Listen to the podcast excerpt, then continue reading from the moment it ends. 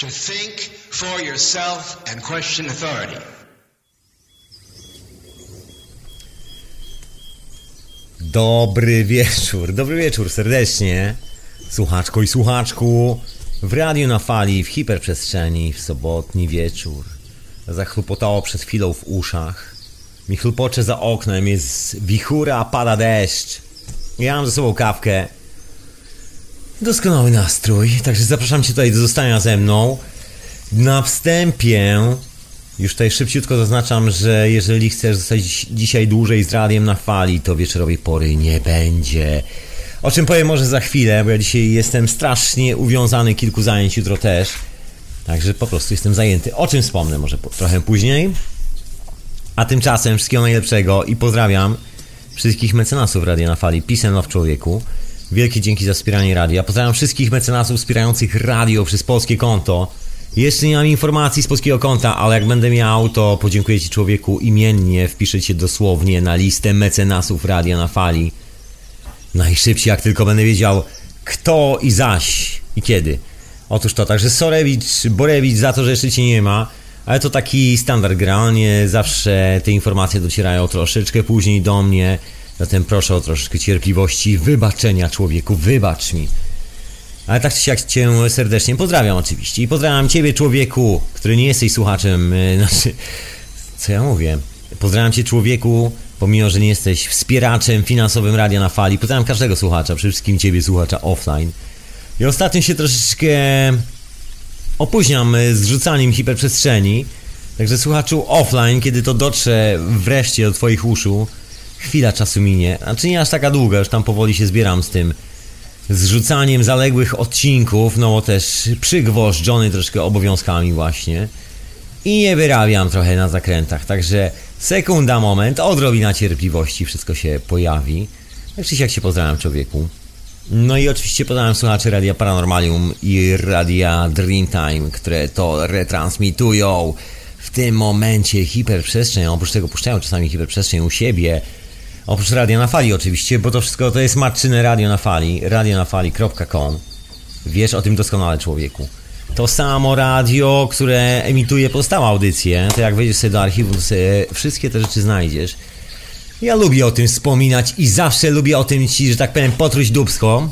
Także zapraszam tam do archiwum. Na substancje zapraszam, zapraszam na wiele, wiele innych rzeczy, które tam się znajdują. A tu jak zwykle troszkę chyba za mocno. Nie, dobrze. Dobrze, chyba dobrze. Jak zwykle sprawdzam sobie poziom gałek, czy wszystko jest ustawione tak jak powinno być, czy nie jest za głośno, nie jest za cicho, mam nadzieję, że wszystko jest ok. Właśnie i zapraszam do tego archiwum, bo tam oprócz czasu snu, oprócz etykiety zastępczej, substancji, syntezy, teorii chaosu i materiałów z konwentu wiedzy alternatywnej, wieżowej pory, dokładki i innych rzeczy w archiwum. Jest troszkę do słuchania. To co ja jeszcze chciałem powiedzieć o tym archiwum, żebyś tam właśnie wpadł, dokładnie, tyle chciałem powiedzieć. W galeriach i download są różne ciekawe rzeczy, patenty Nikoli Tesli, myślę, że dzisiaj to kompletnie na czasie. Tym bardziej, że naukowcy mówią, że odkryli zjawisko fal grawitacyjnych. I don't know. Ja chyba to sobie zapiszę, że dzisiaj poruszę ten temat. Nie no, poruszę go na 100%, bo to jest taki ząg centralny, znaczy nie mówię, że fal nie ma grawitacyjnych, tylko tak sobie patrzę na tą stronę na radionafali.com, daną galerię i te patenty Nikoli Tesli, gdzie jest opisana owa fala skalarna, owe zjawisko grawitacyjne, jak 100 lat temu i to tak dosyć solidnie opisane, urządzenia zbudowane, pokazane jak to działa i nauka, ponoć, że niby Albert Einstein że to wynika z Alberta Einsteina, odkryto coś takiego. Przecież Einstein był jawnym oponentem istnienia jakiejkolwiek fali, jak to wtedy mawiano, eteryczno, magnetyczno, skalarnej, że dlatego właśnie był tam, gdzie był, był szefem komisji atomowej. No ale to już zostawmy te wszystkie świńskie numery z historii cywilizacji, z historii nauki w tej cywilizacji. Ja i tak pewnie się wspomnę o paru jakichś świńskich numerach, które się gdzieś tam wydarzyły. Także mamy już oficjalnie z powrotem falę skalarną, falę grawitacyjną. Dobrze to się nazywa przynajmniej fala grawitacyjna teraz, bo jest to bliżej tego, czym to jest, bo to nie jest tylko fala grawitacyjna, jest to fala magnetograwitacyjna, ale to już o tym, to może gdzie indziej, bo ja tu prowadzę jeszcze inny podcast, nazywa się Synteza Człowieku, jest czwartek o godzinie 22.30 polskiego czasu i tam jest o technologii z fundacji Keshe, właśnie o fali magnetograwitacyjnej. Także na ten temat to Cię zapraszam właśnie w czwartkowe historie, na czwartkowe wieczory, ewentualnie tak jak sobie ściągniesz i tak jak masz czas na przesłuchanie, jeżeli Cię to w ogóle interesuje. Ja dzisiaj troszkę też o zmianie tej cywilizacyjnej jak zwykle, bo będę dzisiaj chciał dokończyć sobie ten wątek katastroficzny, ale w troszkę innym ujęciu. Wrócę do pewnych tematów, które się dawno, dawno temu pojawiły w hiperprzestrzeni, pojawiały się przy okazji substancji psychoaktywnych, śmierci i w ogóle różnych takich historyjek. Pojawiały się różne takie opowieści w przeszłości tej audycji. Także dzisiaj wrócę do kilku tych opowieści, próbując powiązać je troszkę w taki wiązę, w, w taką wiązkę razem, powiązać to wszystko. Jak to wszystko powiążę, to będę chciał po prostu skupić się, właściwie nie tyle, że jak powiążę, bo właściwie powiązane już mam w głowie, ale o, ale o czym, o czym, o czym, w co ja będę to wiązał? Chodzi mi o to zjawisko, które występuje w naszej głowie, czyli ten numer związany z naszą percepcją rzeczywistości. Popularnie wiadomo, że po substancjach psychoaktywnych się zmienia ta percepcja rzeczywistości, podczas stresu się zmienia, przez całe życie się zmienia, kiedy śpimy się zmienia, kiedy mamy duży strzał emocjonalny się zmienia. No jest to taka zmienna rzecz, wirująca dookoła nas, właściwie klejąca to wszystko dookoła. I ta cała historia związana z katastrofą jest też związana z naszą percepcją. Bo to nie do końca jest katastrofa oczywiście w takim popularnym, no popularnym słowa znaczeniu można powiedzieć, że katastrofa oczywiście, ale ale nie do końca jest to katastrofa, jeżeli jest to wyzwolenie, o którym zapomnieliśmy już dawno temu i wszyscy nas tylko straszą, że to jest katastrofa, a tak naprawdę jest to to, na co wszyscy czekamy od lat i ma to pewne historie związane z tym, jak czujemy rzeczywistość, czy przypadkiem ktoś z nas nie zacznie widzieć na przykład obok różowego słonia. Albo coś w tym stylu, albo cokolwiek, bramę do innych wymiarów, różne rzeczy, różne zjawiska manifestujące się poprzez sny, wizje, taki znak końca światów i początka nowego. Co ja mówię? Taki znak końca światów i początku nowego. Tak mawiają Indianie, tak mawiają starożytni, przynajmniej to, co wnioskujemy z tego, co po nich pozostało. Wiadomo, że są to wnioski takie dosyć, że tak powiem, lotne, bo ani nas tam nie było, ani właściwie nie znamy tych alfabetów tak do końca, ani nie znamy kontekstów używania tych alfabetów.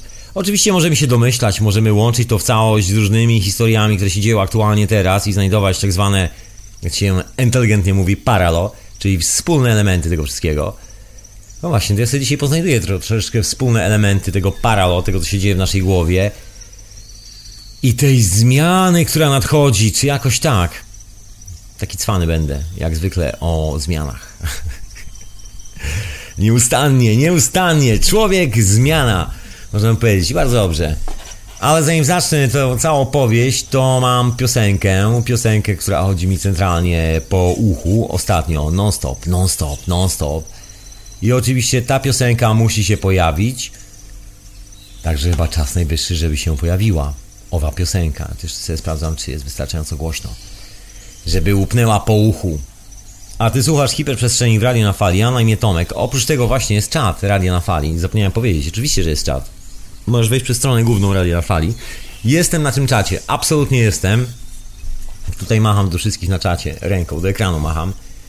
Macham wam ludzie, macham. Otóż to. Ludzie mówią, żebym się podgłośnił. To chyba się podgłośnie. A, to troszeczkę Troszeczkę się ogarnę.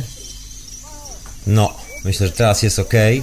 No trudno, najwyżej człowieku będziesz musiał podkręcić trochę głośniej swoje radio, swój radiokomputer, głośniej w słuchawkach, czy głośniej na karcie, albo jakoś tak. Sorewicz. Po prostu takie mam tu warunki nadawania i głośniej nie będzie, bo musiałbym zacząć strasznie tutaj przesterowywać wszystkie dźwięki, także mam nadzieję, że sobie radzisz z tym sygnałem, który masz w słuchawkach, albo gdziekolwiek tam masz ten sygnał ode mnie. Hej, hej, to ja, ten sygnał, który mówi do ciebie. Także pozdrawiam wszystkich na czacie i pozdrawiam jeszcze wszystkich tych, którzy chcą zadzwonić. radionafali.com, taki jest adres na Skype, jak chcesz zadzwonić do mnie na Skype. Ja tu jestem absolutnie na żywo. Jest sobota wieczór, przechodząca w noc. Świat się zmienia.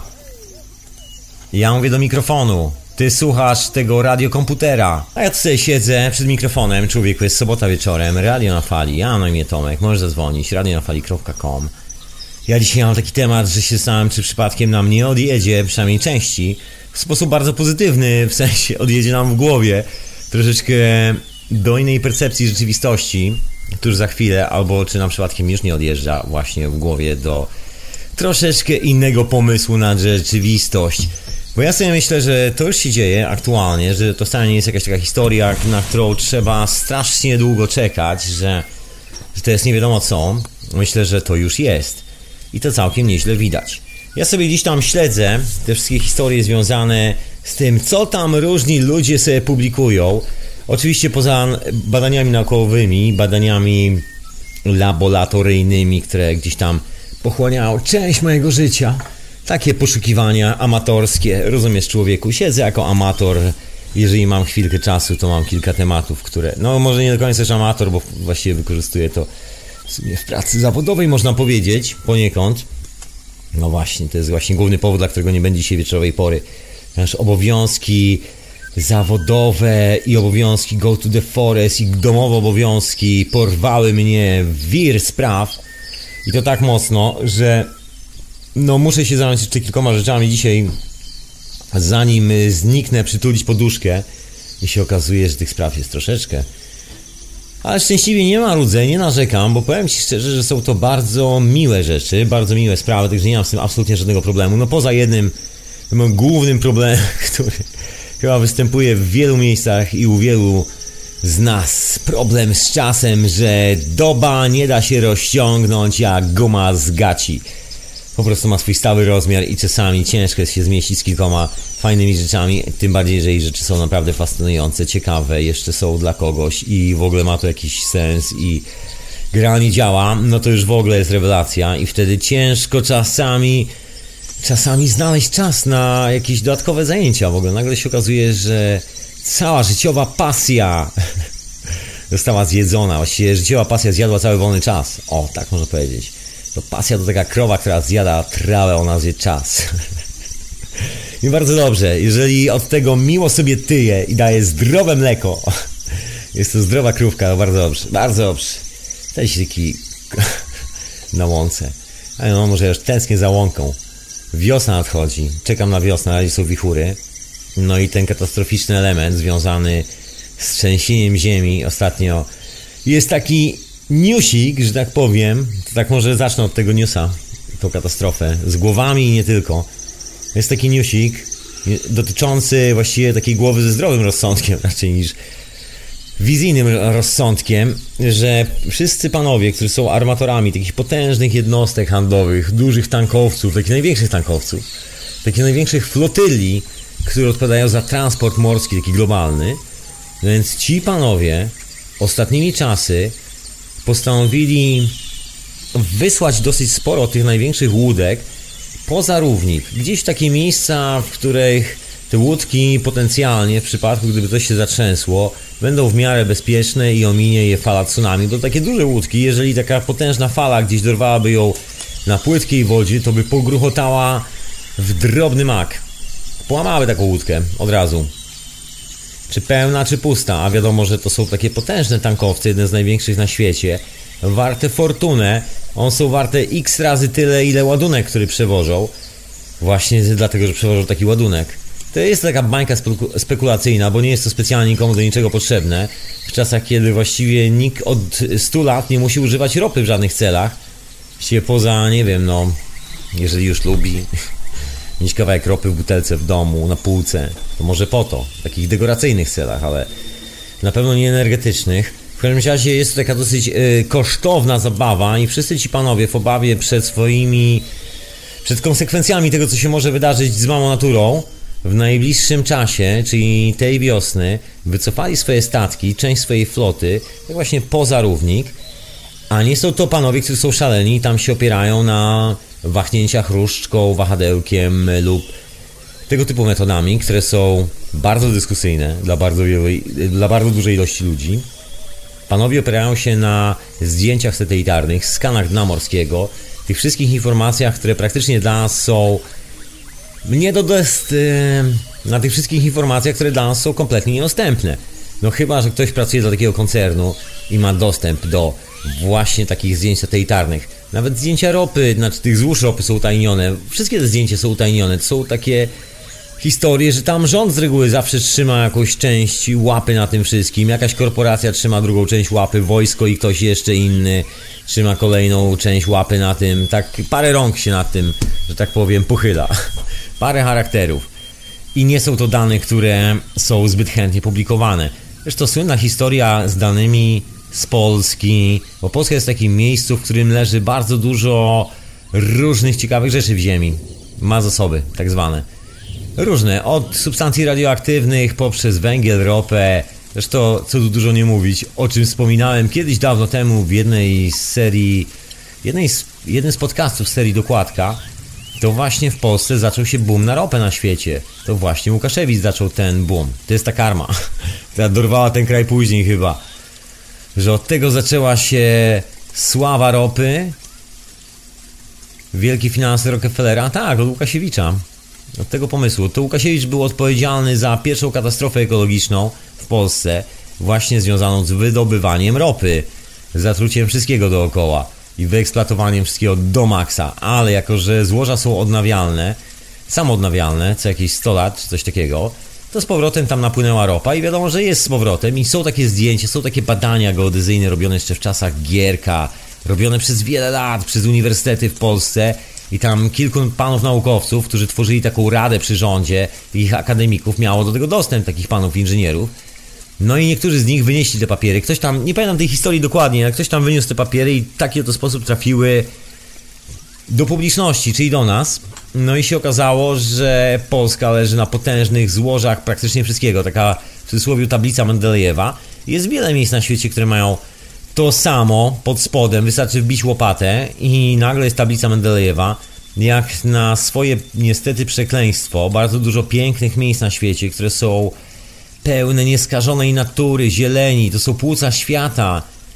Niestety ma też te zasoby pod ziemią. To dotyczy się Amazonii, to dotyczy się wielu miejsc w Australii, to dotyczy się wielu miejsc w Azji. To jest takie przekleństwo dzisiejszych czasów, że taki król Midas, który sam nie potrafi z tego skorzystać, zwariował i postanowił kopać po jeszcze więcej złota. Coś w tym stylu. Szaleństwo takie troszkę opętało świat. No i to szaleństwo, mam nadzieję, się już kończy, bo widać koniec tego szaleństwa. Widać takiej ogólnej świadomości troszeczkę każdego z nas, bo to ogólna świadomość składa się, przynajmniej w mojej opinii, ze świadomości każdego z nas indywidualnie. Już coraz więcej z nas zaczyna się oglądać trochę do tyłu na swoje plecy, czy przypadkiem nie jest tak, że kupa śmieci, którą gdzieś tam stworzyliśmy za plecami, za chwilę nie zawali się i nas nie przysypie. Taki normalny, zdrowy odruch, myślę, u każdego z nas, żeby czasami się obejrzeć do tyłu i zastanowić się, hej, czy może jest tego jakiś wniosek na jutrzejszy dzień, żeby czegoś nie robić. I to jest, myślę, taki chyba dosyć dobry wniosek, powoli nas te wszystkie wnioski dogoniły i to dosyć mocno. I myślę, że te wnioski mają też taką cechę, że zmieniają naszą świadomość trochę, taką świadomość tego, kim my właściwie na tej planecie jesteśmy. Bo to też się wydłuża troszkę perspektywa. Przez te szybkie czasy, jak wszystko się tak skompresowało, do czasu, gdzie zmieniamy telefon co 20 minut. Znaczy ja akurat nie. Ale są tacy ludzie, którzy przysłowiowo zmieniają telefon co 20 minut na kolejny nowszy model, że zmieniamy bardzo dużo rzeczy dookoła siebie na kolejny nowszy model właśnie co przysłowie 20 minut i jest taki syndrom konsumpcyjnego podejścia do życia w dzisiejszych czasach. Konsumenci, tak to nazwano w latach 20. Też mówiłem o tej propagandzie. Właśnie też chyba w dokładce wspominałem tą historię. Jak powstała to propaganda, wymyślanie grupy konsumentów. Także zapraszam, ja tu nie będę tak przynudzał. I tak się, że tak powiem, szlajał po tych zwłokach w szafie. Zostawiam te zwłoki tym razem. Bardziej o dzisiejszych czasach, o tej zmianie, o tej zmianie, o tej zmianie.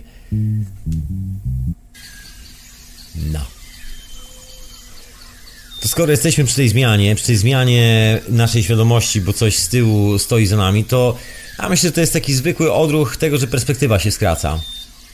Ilość nawet cyfrowych urządzeń, które mamy, tego jak sobie możemy zapisać czas, swoją przestrzeń, którą nazywamy czasem, tak bym to określił, się troszeczkę zawęziła. Bardzo łatwo nam się cofnąć do tyłu i przypomnieć sobie jakiś stan emocjonalny z przeszłości, patrząc na jakieś selfie, zdjęcie, cokolwiek by to nie było, nawet przygłupawe selfie. Nawet to podnosi globalną świadomość. Cytując prawie, że Karla Gustawa Junga. No może bez przesady. Nie wiem, czy Karl by cokolwiek zrozumiał z tego w dzisiejszych czasach. Mam nadzieję, że tak. Pozdrawiam cię, Karl, gdziekolwiek by cię nie było. Karl Gustaw Jung oczywiście. Doskonały myśliciel poprzednich czasów. Dziecko swojej epoki swoją drogą. Ale myślę, że dzisiejsze czasy mają dużo nowych elementów, które wymknęły się wielu myślicielom, e, którzy tworzyli zręby współczesnej oficjalnej filozofii jeszcze 100 lat temu, albo nawet 50 lat temu. Myślę, że troszkę przyspieszyliśmy w czasie. I chociażby właśnie to miejsce, że widzimy, że nasze śmieci troszeczkę, które zostawiamy po, po sobie, skracają nam ten dystans w tej przestrzeni z tym pomysłem, kim chcieliśmy być wczoraj, z tym pomysłem, kim chcemy być dzisiaj i z tym, kim potencjalnie wydaje nam się, będziemy chcieli być jutro. Czy coś w tym stylu.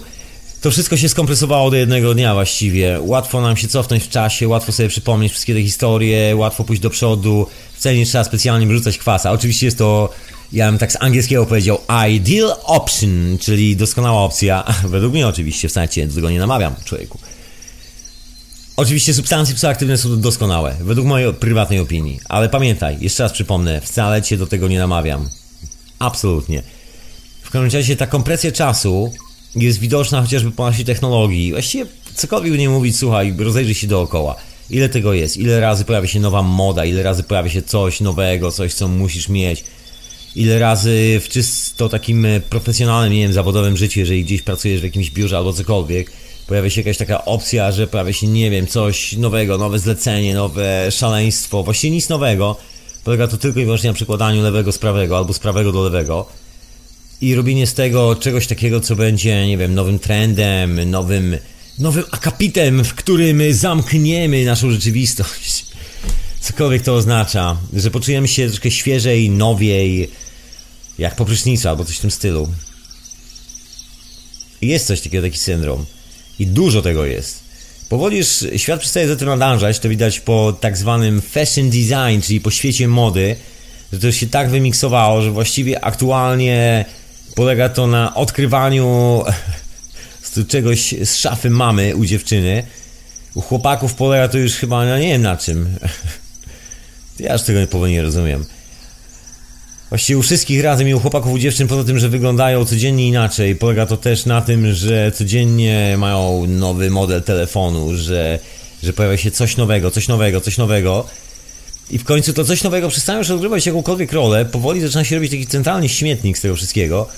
Niektórzy nazywali to mądrzy filozofowie lata temu, że nadchodzi postmodernizm, czyli taki znak końca czasów, że wtedy się pojawi coś takiego, czyli będzie post i modern, czyli wszystko będzie stare, ale wszystko będzie wykorzystywane na nowo, czyli przysłowiowo będziemy mieli urządzenia, które wyglądają w połowie jak z czasów wiktoriańskich, w połowie jak super ultra zaawansowany science fiction, a pozostałe drobne elementy będą wyglądały jak kawałek impresjonizmu, art deco, tudzież lata 50., cokolwiek, taki śmietnik esencjonalny śmietnik, bym powiedział.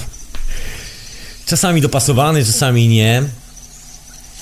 Jest taki gatunek, który się nazywa steampunkiem w tak zwanym designie, czyli we wzornictwie. Polega to na właściwie niczym innym jak opakowywaniu nowoczesnych urządzeń w taki sposób, że wyglądały i dało się nimi manewrować. Tak jak przysłowie 200-100 lat temu, kiedy jeszcze wszystko było na kółka zębate i przekładnie tak żeby trzeba było wcisnąć coś, przekręcić gałkę w lewo, w prawo, żeby coś tam się poruszyło, przesunęło. I masa tego jest. Jest to piękny design swoją drogą. Ja to bardzo lubię, bo to przypomina mi troszkę czasy Nikoli Tesli. Jest to takie zjawiskowe. Czasami jest to trochę bardziej, że tak powiem, vintage, jak to się mówi z języka francuskiego, czyli takie stare, nowe, czyli po staremu, ale w bardzo dobrym stylu. Czasami, niekoniecznie nowe, czasami już używane, ale w bardzo dobrym stanie. Takie, taka klasyczna rzecz, vintage. Niekoniecznie oznacza, że tylko i wyłącznie stary. Vintage może być też nowe. No i to jest właśnie taki vintage troszeczkę, bo to wraca trochę do takich czasów rzemieślniczych, ręcznego robienia. Ja to się troszkę będę tak serwował, może niekoniecznie tym, co mówię w czwartek w syntezie, no ale jest ta nowa technologia, nie będę udawał, że jej nie ma, bo byłoby to po prostu centralnie ściemą. I ta nowa technologia, jak i wiele innych rzeczy, bo to nie tylko kwestia technologii z Fundacji Cache, ale też kwestia w ogóle silników Tesli, potraktowanych troszeczkę w bardziej nowoczesny sposób, kwestia kilku innych rozwiązań, które się aktualnie zaczynają pojawiać.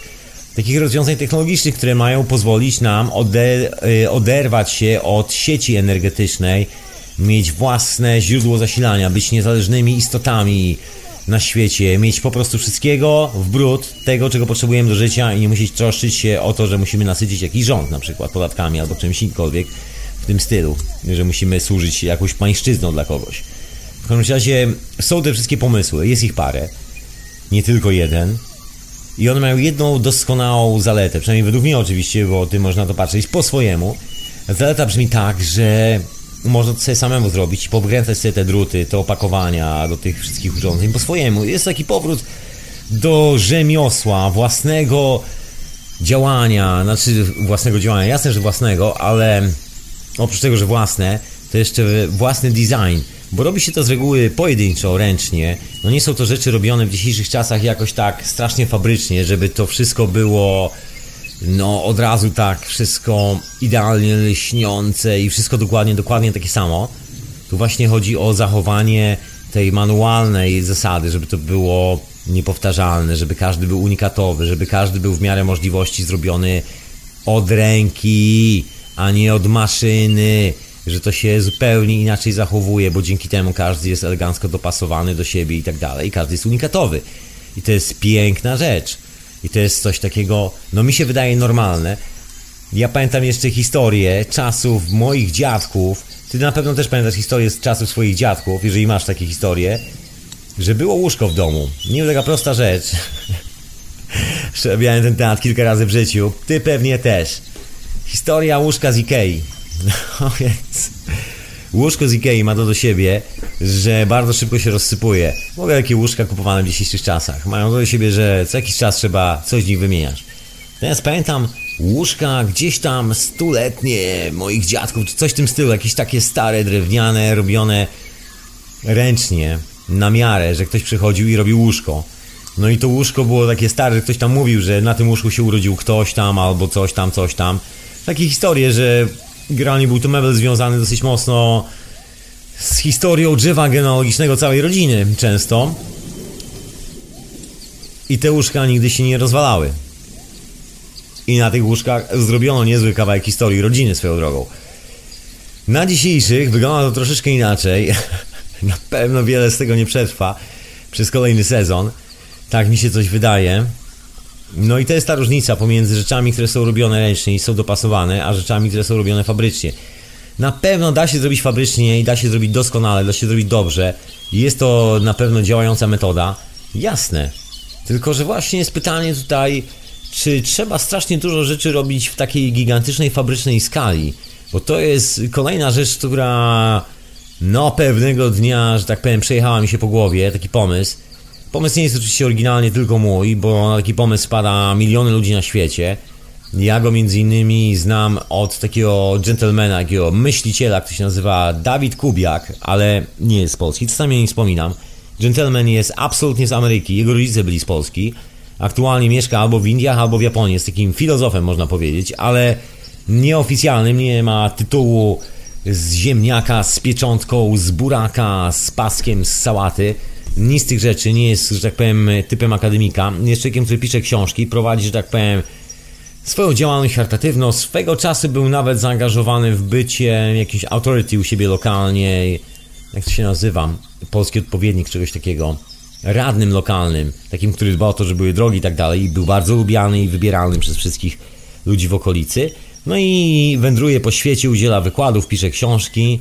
No i ma taką ciekawą koncepcję, właściwie niewiele różniącą się od mojej. W sumie poszedł dalej swojej koncepcji, dlatego lubię tutaj oprzeć się na jego rozważaniach, ponieważ są po prostu łebskie, troszkę bardziej łebskie niż moje.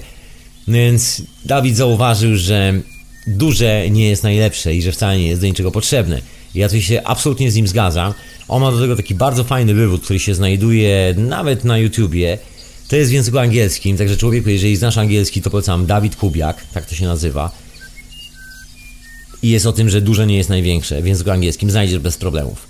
Ja tylko tak wspomnę, bo oczywiście na przykład niekoniecznie musisz znać angielski, nie będziesz teraz gnać i oglądać specjalnie rozmowy z facetem, która trwa półtorej godziny i próbować sobie łamać głowy, o czym jest w ogóle cała ta historia.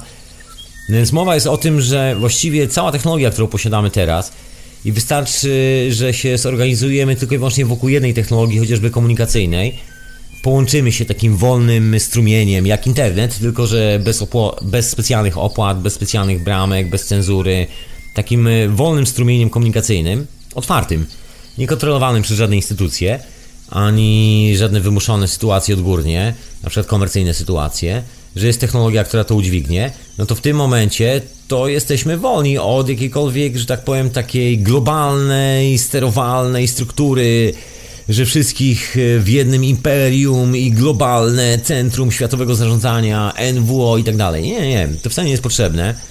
Wcale nie potrzebujemy dużych, wielkich wyszukiwarek, takich jak Google. W dzisiejszych czasach doskonale robią to wszystkie lokalne algorytmy, które doskonale sobie radzą, że tak powiem, z wydajnością lokalnych serwerów i cokolwiek się stanie, to i tak sieć jest na tyle roz, rozrzucona po świecie, że zawsze ta informacja przetrwanie. Jak jest scentralizowana w jednym miejscu, to wiadomo, że jak walnie, no to będzie po. Nie jest taka oryginalna idea, bo tutaj trzeba sobie przypomnieć o aborygenach. Naszych najstarszych braciach, od których zresztą genetycznie pochodzimy jako Słowianie, żeby było zabawniej, o czym niewielu ludzi wie, ale taka jest prawda. Jakbyś szukał swojego pra dziadka, to człowiek łap za didgeridoo i łap za bumeranga. Bumerang, najstarszy znaleziony na świecie niedaleko Krakowa. To jest do, ogląda- do oglądnięcia w Muzeum Etnograficznym w Krakowie. Ten bumerang jest najstarszy, jaki znaleziono na świecie. Bardzo podobny do tego, co w Australii. Ale my jesteśmy braćmi, że tak powiem. Jesteśmy młodszymi braćmi od aborygenów, bo to nasi są, że tak powiem, starsi bracia. Ale wracając do nich, oni mają taką ciekawą tradycję związaną z przekazywaniem sobie informacji o tym, jak jest skonstruowany świat. No więc każdy tribe, czyli każde lokalne plemię, a jest ich tam parę, oryginalnie było sporo, każdy był, mieszkało w innym miejscu, każdy miał swój własny kawałek ziemi, każdy miał po prostu swój własny świat. Mogłeś sobie zamieszkać w dowolnym plemieniu, w którym chciałeś, one wszystkie się znały, także nie było problemu. Nie było problemu z paszportami, z wizami, z granicą do przekroczenia. Mogłeś mieszkać gdzie chciałeś, człowieku.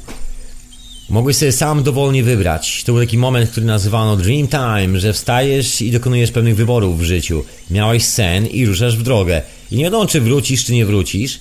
Możesz gdzieś indziej e, zostawić swoje kości, w jakimś innym miejscu, na starość. No różnie to wygląda, w zależności od sytuacji, która ci się wydarzy. Nazywa się to Dream Time.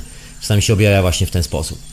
No ale oprócz tego, że możesz sobie wyjść i tak sobie zmienić miejsce do mieszkania spokojnie, bez potrzeby posiadania dokumentów, paszportów i bycia przeszukiwanym na granicy przez kilku wariatów z karabinami, możesz to zrobić jak normalny, cywilizowany człowiek, to oprócz tego każda ta z, to oprócz tego każda z lokalnych społeczności ma swój własny zestaw, można powiedzieć, mitów. Właściwie jest to dalej ten sam mit o stworzeniu i powstaniu świata, niewiele się różniący od mitu panującego, nie wiem, na, po, na przeciwnym końcu wyspy, zwanej Australią, ale ten mit ma kilka drobnych detali. I w każdym plemieniu te detale są zupełnie inne i kiedy pozbierasz sobie ileś tam tych mitów, nagle układają się w bardzo ciekawą historię. Się, że tak powiem, zaczynają potwierdzać, zaczynają się składać w jeden wielki obraz świata. I jest to tak skonstruowane, że każdy z tych mitów zabiera, zawiera coś w rodzaju fraktalnego paternu z tych wszystkich mitów, które są w pozostałych plemieniach. Każdy z nich zawiera kawałek tej informacji. Także gdyby coś się stało, i kilka plemion nagle straciło pamięć, to te, które zostały i nie straciły pamięci, są w stanie odtworzyć te brakujące mity. Taka bardzo ciekawa historia. W dzisiejszych czasach współczesne korporacje typu IBM, Hewlett Packard, Cisco i tak dalej, i tak. Potężne organizacje, takie nawet pozarządowe, uniwersyteckie, wywalają gigantyczną kupę kasy, żeby rozkminić algorytmy, które zrobią to w taki sposób, jaki robią to na przykład aborygeni, żeby dało się w ten sposób przeszukiwać dane na przykład w internecie i wyciągać z tego jakieś dane statystyczne, stworzyć coś, co, co weźmie wszystkich, że tak powiem, w garść i wyciągnie pieniądze już od całego świata. Takie szaleństwo troszeczkę, ale starają się jak tylko mogą. Nie wiem, czy im wyjdzie, raczej wątpliwa sprawa. Bo jest to związane z czymś zupełnie innym, z innym sposobem komunikacji z żywymi istotami, mówiąc w skrócie. I z tym, jak reagują żywe istoty na informacje, jak je wzmacniają, co się z tym wszystkim dzieje i tak dalej, i tak dalej. To człowiek może śmiało zadzwonić do Radia na Fali, radionafali.com i się, że tak powiem, odezwać, co ty myślisz na temat tej zmiany w głowie, bo ja tak, koniec końców, dochodząc wreszcie do jakiegoś wątku w tym wszystkim, w tej hiperprzestrzeni, o tych zmianach, kolejnych zmianach jak zwykle, i o kompresji czasu, bo kompresja czasu oznacza dla mnie jednocześnie to samo, co kompresja koncepcji. Właściwie ja z wczoraj, no to jestem koncepcja z wczoraj, właściwie do tego się to wszystko sprowadza. Przynajmniej jeżeli chodzi o kwestie, które zostały zrealizowane i wdrożone w rzeczywistość, że coś zrobiłem, wykonałem jakąś działalność. Podejrzewam, że tak samo jest u Ciebie, podejrzewam, że tak samo jest wszędzie, tak samo jest z drzewem, którego koncepcją jest rośnięcie i na przykład y, robienie jakichś owoców albo coś w tym stylu. Granie kompresja koncepcji, co by tu dużo nie mówić, no to oznacza taką szybką weryfikację. I te czasy, które aktualnie nadchodzą, są niczym innym, jak właśnie czasami, kiedy wszystkie koncepcje zaczynają się bardzo szybko weryfikować w swoim e, działaniu, w rzeczywistości. I to jest coś, co na początku, zanim pojawi się w materii, no musi się pojawić w naszej głowie. To jest ten wewnętrzny krasz, że tak powiem, cywilizacyjny, który musi towarzyszyć i zawsze towarzyszy jakimś zmianom. Z reguły widzimy to od takiej kiepskiej strony, czasami podczas sytuacji, które się, się podczas sytuacji, ja mówię, pierwsze lata w jakichkolwiek wojnach i generacja, która jest przeorana jakąkolwiek wojną, tak się zdarzyło, że oczywiście, jeżeli człowieku dorastałeś w Polsce albo coś takiego i nie tylko, i w twojej rodzinie był jakiś dziadek, babcia, ci, którzy przeżyli wojnę, to widzisz pewną różnicę w zachowaniach tego pokolenia. Jest coś takiego, że że ta emocja, która tam powstała, robi coś zupełnie innego z głową, coś, coś takiego, że ciężko się z nimi momentami dogadać. No jest to tak zwana trauma. Na co się dzieje, kiedy ta koncepcja działa w drugą stronę. Ta kompresja koncepcji i nie jest to historia traumatyczna, tylko jest to hi historia związana z taką szybką, pozytywną weryfikacją pewnych działających idei. Także dzięki temu się zamiast zwijać, zwyczajnie rozwijasz. Kiedy to nie jest obarczone jakimś kopniakiem w tyłek i tak dalej, i tak dalej. Troszkę inne podejście do rzeczywistości. Czyli troszkę wykonywanie kilku rzeczy, nie wiem, być może charity, cokolwiek. Tu sam musisz się znaleźć w tym, jak to ogarnąć w swoim własnym życiu. A mówię o takiej pozytywnej koncepcji, że bierzesz jakieś rzeczy, wrzucasz na ruszta, robisz to, sprawdzasz czy działa, jeżeli działa, pchasz to dalej. Taka prosta historia, czy to w życiu prywatnym, czy też realizując jakieś tam historie tak zwane życiem, e, nazywane popularnie życiem zawodowym. Właściwie różnicy za bardzo nie ma, dalej jest to, to samo życie. Wszędzie mamy to samo życie, właśnie to jest taki szalony dualizm, że mamy niby życie zawodowe albo życie prywatne. A przecież jest tylko jedno życie. Przecież to nie jest tak, że człowiek ma dwa albo trzy albo pięć. No właśnie. I myślę, że to się też zweryfikuje troszeczkę i to się już weryfikuje. Myślę, że widać takie czasy już na horyzoncie, że dzieje się troszeczkę różnych rzeczy. Pojawiają się różne takie właśnie koncepcje. Ja sobie kręcę się tro, trochę właśnie wokół tych wszystkich spraw technologicznych trochę można powiedzieć. No może nie tylko, ale w sporej mierze. I jako, że... No właśnie, co tam widać? Właśnie, a tu mam telefon jeszcze. Tak się rozbestwiłem troszeczkę. Halo, halo, panie Krawcze, halo, halo. Witam, witam pana kapitana szanownego. Witam serdecznie. Jak, jak zdrówko szanownemu panu? Szanowne zdrówko. Szanowne zdrówko może być, no, może być. Ogólnie nie, nie za wesoło, ale staram się mm, nie załamywać. Głowa do...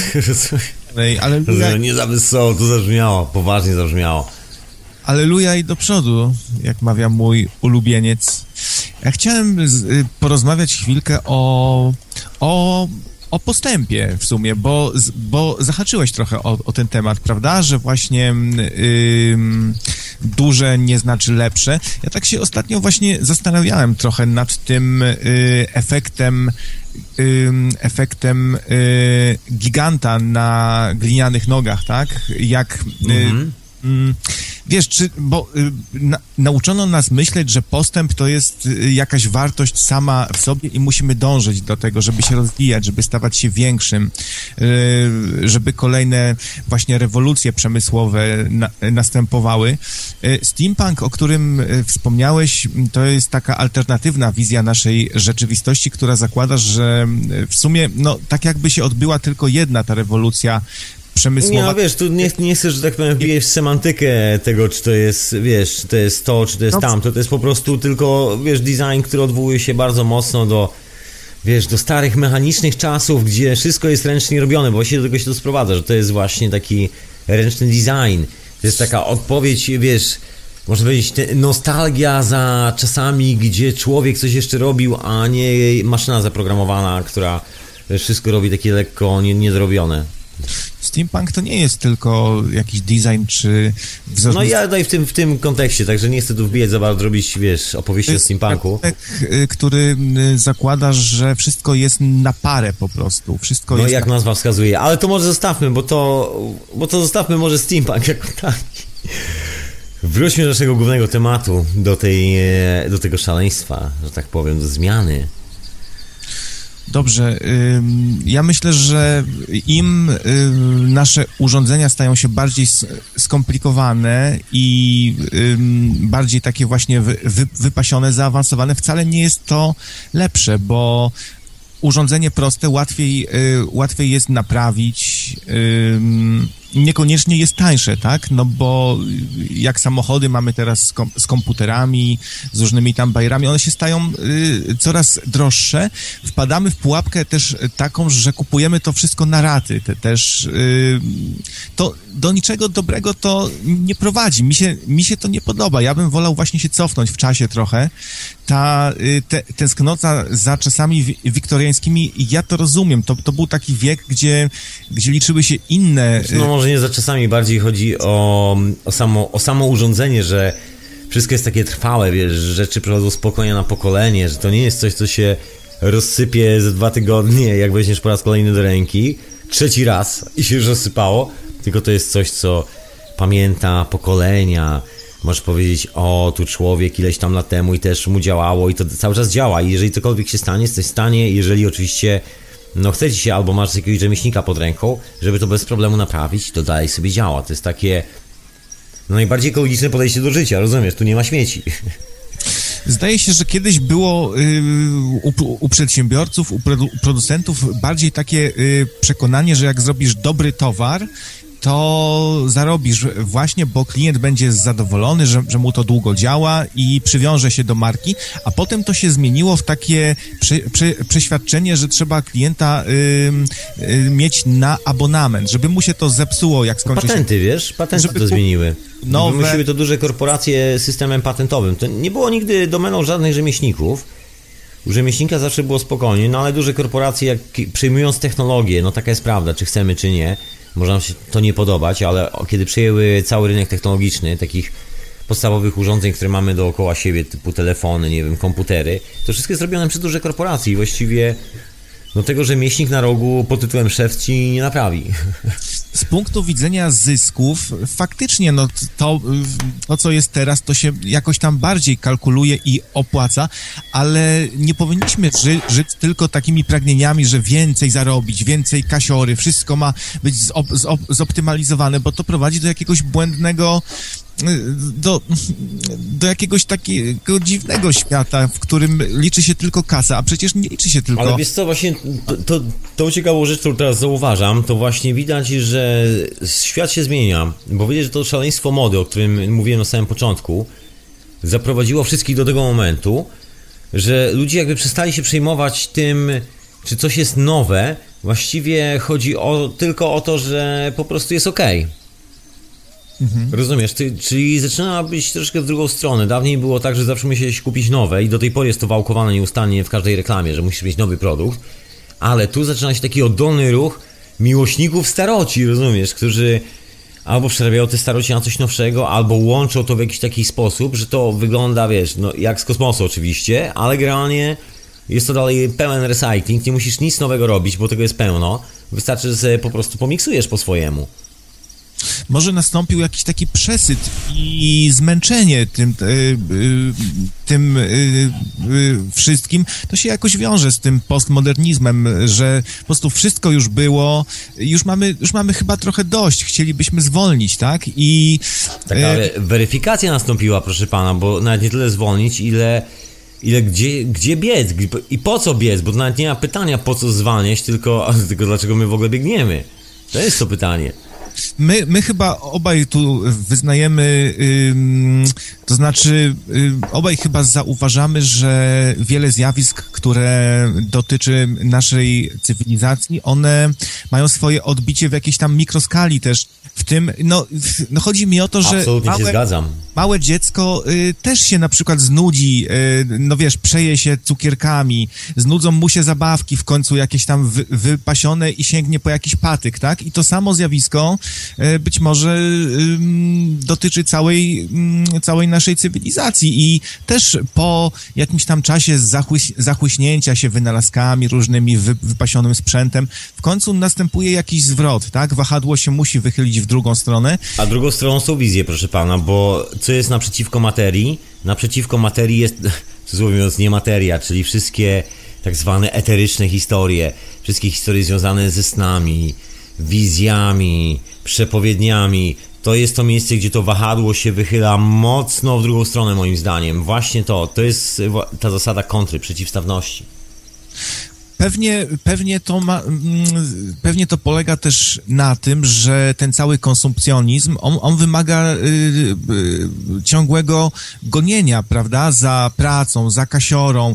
Y, trzeba po prostu na to wszystko zarobić i No, wysilać. nie da się ukryć, że jest to system niewolniczy. Tu wszyscy myślę doskonale o tym wiemy, że jest to system naprawdę skrojony tylko po to, żeby być niewolnikiem albo panem niewolników. I ta refleksja zawsze u każdego, nawet na, u, u największego dresa w końcu się pojawi, bo on powie, ja to chromolę, ja, ja już nie chcę pracować, yy, wiesz, 12 godzin dziennie na to wszystko, ja chcę trochę spokoju, żyje się raz, tak? I ja bym chciał sobie pójść na ryby, prawda? I y, to, to jakiś taki zwrot też ob, obserwuję. No i bardzo dobrze, tylko pytanie, czy to wszystko się da zatrzymać? Myślę, że się da, ale to da się, wiesz co, to, się, to jest naturalny proces, bo zobacz ile czasu, Musi, musi, się, musi się zmienić odbiorca sam, bo... to się zmienia cały czas i nawet powiem ci jak, przynajmniej tak mi się wydaje. No bo zobacz ile jest tych wszystkich historii, o których wspomniałem na początku, czyli chociażby zdjęć typu selfie, ile każdy tego zbiera, nawet wiesz, każda, że tak powiem, niezbyt ogarnięta osoba w cudzysłowie, mająca obsesję tylko i wyłącznie na punkcie selfie, my się śmiejemy, śmiejemy, ale materiał powstaje, cały czas content powstaje i tego contentu jest coraz więcej, bo ona sobie ciągle pstryka selfie, prawda? To się nic nie zmienia. No i co mamy dalej z tego powodu? Z tego powodu mamy osobę, która ma bardzo dużo zdjęć z różnych miejsc i pewnego dnia, coraz częściej, zdarzy się taka chwila, że będzie chciała wrócić do tych zdjęć i tych zdjęć nie zawsze przybywa. I moment tego powrotu jest zawsze momentem, że łapiesz, kurde, to przecież nie mam czasu na to, żeby się w tym grzebać. Ojejku, ja w ogóle nie mam nawet czasu na to, żeby spojrzeć na swoje życie do tyłu. To jest taka niewypowiedziana refleksja moim zdaniem, może troszkę naciągam całą sytuację niczym gumę z gaci, ale wydaje mi się, że ta refleksja się pojawia nawet u takiej osoby, której jedyną ambicją życiową jest robienie sobie nieustanne selfie. Nawet u niej się pojawi, bo jest ten moment, w którym będzie chciał ogarnąć swoje zasoby pamiątkarskie i nagle się okaże, że nie ma czasu, bo musi iść do roboty, albo musi robić coś, albo coś i nagle się zastanowi, jejku, no to przecież po to robię sobie selfie, żeby je sobie później oglądać. A nie po to, żeby pracować na to, żeby móc czasami zrobić selfie. I to jest dokładnie ten problem. Znaczy ten problem to jest to rozwiązanie właściwie, które dotyczy każdego, także nagle się okaże, że niezależnie od tego, czy ktoś z nas był mniej czy bardziej bystry, wszyscy wreszcie, że tak powiem, przywitamy się w jednym miejscu i problem z tym, czy ktoś był dresem, czy nie był dresem, właściwie zniknie w pewnym momencie, tak mi się wydaje. A w pewnym momencie ta refleksja ustawia wszystkich mniej więcej na tej samej równej linii. Także każdy oczywiście ma dalej swoje życie i swoje własne rozrywki, ale jest taka, że tak powiem, ludzka nić porozumienia wtedy. Ja bym chciał, żeby, y, żeby to pokolenie młodsze, które już się urodziło w wieku internetu, e, fajnych, e, To fajnych ja się urodziłem w wieku internetu. urządzeń, no ale ty się urodziłeś, jak go nie było jeszcze tak samo jak ja, nie? No I tak. nie, nie było wielu innych rzeczy, które są dzisiaj. To wiesz, jest takie powiedzonko, że wszędzie dobrze, gdzie nas nie ma, i wiadomo, że często chcemy tego, czego, y, czego nie mamy. I to pokolenie chyba już nawet zrobi ten zwrot, bo y, y, dla dzisiejszych mm, młodych osób to y, te rzeczy typu właśnie super filmy, komiksy, y, No krawiec, nie, właśnie nie... wy- wypasy różne to nie jest e, nic nadzwyczajnego i oni chyba już za, za, tęsknią za tym, co mieli ich starzy. mm, za jakimś takim spokojniejszym życiem. Ja cały czas obserwuję jakąś taką kontrkulturę, nie? Też... Y, No, trzeba przyznać, że jest coś takiego jak grupa na przykład ludzi, stosunkowo młodych, którzy łapią się w wielu krajach, bo to nie jest tylko domena Polski albo domena Anglii albo jakiegokolwiek kraju, w wielu miejscach to się dzieje, łapią się za chociażby przysłowiowy kawałek ziemi, może tak zabawnie brzmi, i otwierają swoje własne, że tak powiem, gospodarstwo, coś w tym stylu, generalnie swoje własne takie społeczności zakładają różnego rodzaju i tego jest dosyć sporo no, na świecie i widać, że są to dosyć, dosyć młodzi ludzie. To nie jest kwestia robiona przez jakichś tam dżentelmenów, którzy są już, jak się po angielsku mówi, upon the hill, czyli za wzgórzem się wszystkiego dorobili, tylko to są generalnie ludzie, którzy wyskoczyli, bo nie chciałem się kupować kolejnego modelu telefonu i stwierdzili, że lepiej jak zainwestują w kawałek ziemi i sobie posadzą coś na tej ziemi i sobie pożyją w ten sposób. Niezależnie od tego, co się z tym stanie później, po prostu taki pomysł na teraz. Całkiem zresztą rzeźki, bo taki pomysł y, bardziej na teraz niż jakiekolwiek inne pomysły czasami mi się wydaje. Sam nie wiem, jakby, jakby mi się żyło, gdybym tak nagle y, zwiał od tej całej cywilizacji i musiał żyć na przykład bez internetu, bo jest też tak, że się uzależnia mm, od pewnych rzeczy. W chcia- takich miejscach, gdzie wszędzie masz internet, to już nie ma, nie ma problemu, żebyś miał jakiś problem, że wiesz, że nie masz internetu, masz dalej internet. To Ale tak jest... życie to wymaga jednak y, pewnego, wy, pewnego wysiłku, tak? Trzeba sobie studnie samemu wykopać, trzeba sobie... Nie, no, są takie gotowe miejsca społeczności, wioski, gdzie oczywiście normalnie masz y, historię, które robisz dla społeczności, masz y, w cholerę wolnego czasu. Nie, to jest o wiele łatwiejsze w życiu, jeżeli ci o to chodzi, niż życie takiej normalnej cywilizacji. Znam Tak. ludzi, którzy żyją w taki sposób i zawsze. No ja akurat szczęśliwie żyję akurat okej, nie, nie marudzę na swoje życie. Tak jakoś się poukładało, że jestem okej ze swoimi sprawami tu w Londynie, co nie każdemu się, że tak powiem, udaje, no ale też kosztowało to masę pracy, inna sprawa. No ale koniec końców jestem okej i mam też znajomych, którzy żyją w taki sposób i też są bardzo okej. I to nie jest kwestia jakichś specjalnych wyrzeczeń, oni wcale nie pracują i nie orają całe życie w polu, tak jak się to sprzedaje gdzieś tam, że to jest taka ciężka rzecz. To bardziej przypomina tą samą historię, która się działa w Ameryce z tymi pionierami, którzy uciekali z fortów i jedynym, największym problemem brytyjskiego króla i wszystkich królów, którzy wysyłali tam swoich obywateli, to było to, że ich obywatele uciekali od razu do Indian. Bo nie podobało im się życie jak niewolnicy gdzieś tam w fortach. Rozumiesz, to się nagle okazuje, że to życie, które oni prowadzą jest o wiele łatwiejsze niż komukolwiek się udaje prowadzić w dużym mieście, normalnie pracując, tak wiesz, od y, rana do wieczora. Ale na pewno trzeba się nauczyć y, działać w społeczności, trzeba się nauczyć brać. Dzisiaj to nie każdy y, y, jest na przykład zdolny do tego, żeby, żeby brać, tak? Jest, y, jest często takie tak, taka chęć, żeby wszystko zrobić y, samemu. U Amiszów jest na przykład tak, że jak pojawia się nowy członek społeczności, to y, zbiera się reszta i buduje mu na przykład dom, nie? I No to wszędzie na świecie masz tak. To, to masz w Tybecie, tak, w wielu miejscach. Wszędzie jest tak, że zbiera się wioska i wiesz, dostajesz nową chatę. No to jest normalne. Znaczy ty też budujesz tą chatę, też y, nie stoisz z założonymi rękami obok. Twoja kobieta gotuje zupę dla wszystkich, rozumiesz? Tak, ale to trzeba się nauczyć być z kimś i dla kogoś Ale i... w Polsce też tak się budowało chaty. I zarówno, tak, u górali ponoć też, też tak. Nie, no na wschodzie Polski, w całej Polsce, właściwie tak się budowało chaty jeszcze przed II wojną światową na wszystkich wsiach. No nie było innej opcji, no, no co? Przecież tam nikt nie miał pieniędzy, żeby zamówić ekipę budowlaną. Tam się przeło po sąsiadów. Jeden potrafił murować, drugi potrafił coś tam i tak się budowało. To nie jest wcale jakiś taki, wiesz, stary pomysł, to raptem za życia naszych dziadków, proszę pana, jeszcze się to wszystko działo. A my traktujemy to jako jejku, man, kiedyś gdzieś u Amiszów, wiesz, stary. A to na naszym podwórku. No tak, ale jest taka, mm, taka pokusa, żeby żyć samemu dla siebie, taki, takie trochę czasy egoizmu, nie? Kiedyś y, im dalej się, sięgniemy... Ja myślę, że to się zmienia właśnie. To, z tego co widać, to się zmienia ludzie prawie. chyba bardziej żyli właśnie ze sobą, dla siebie i współpracowali, bo musieli po prostu.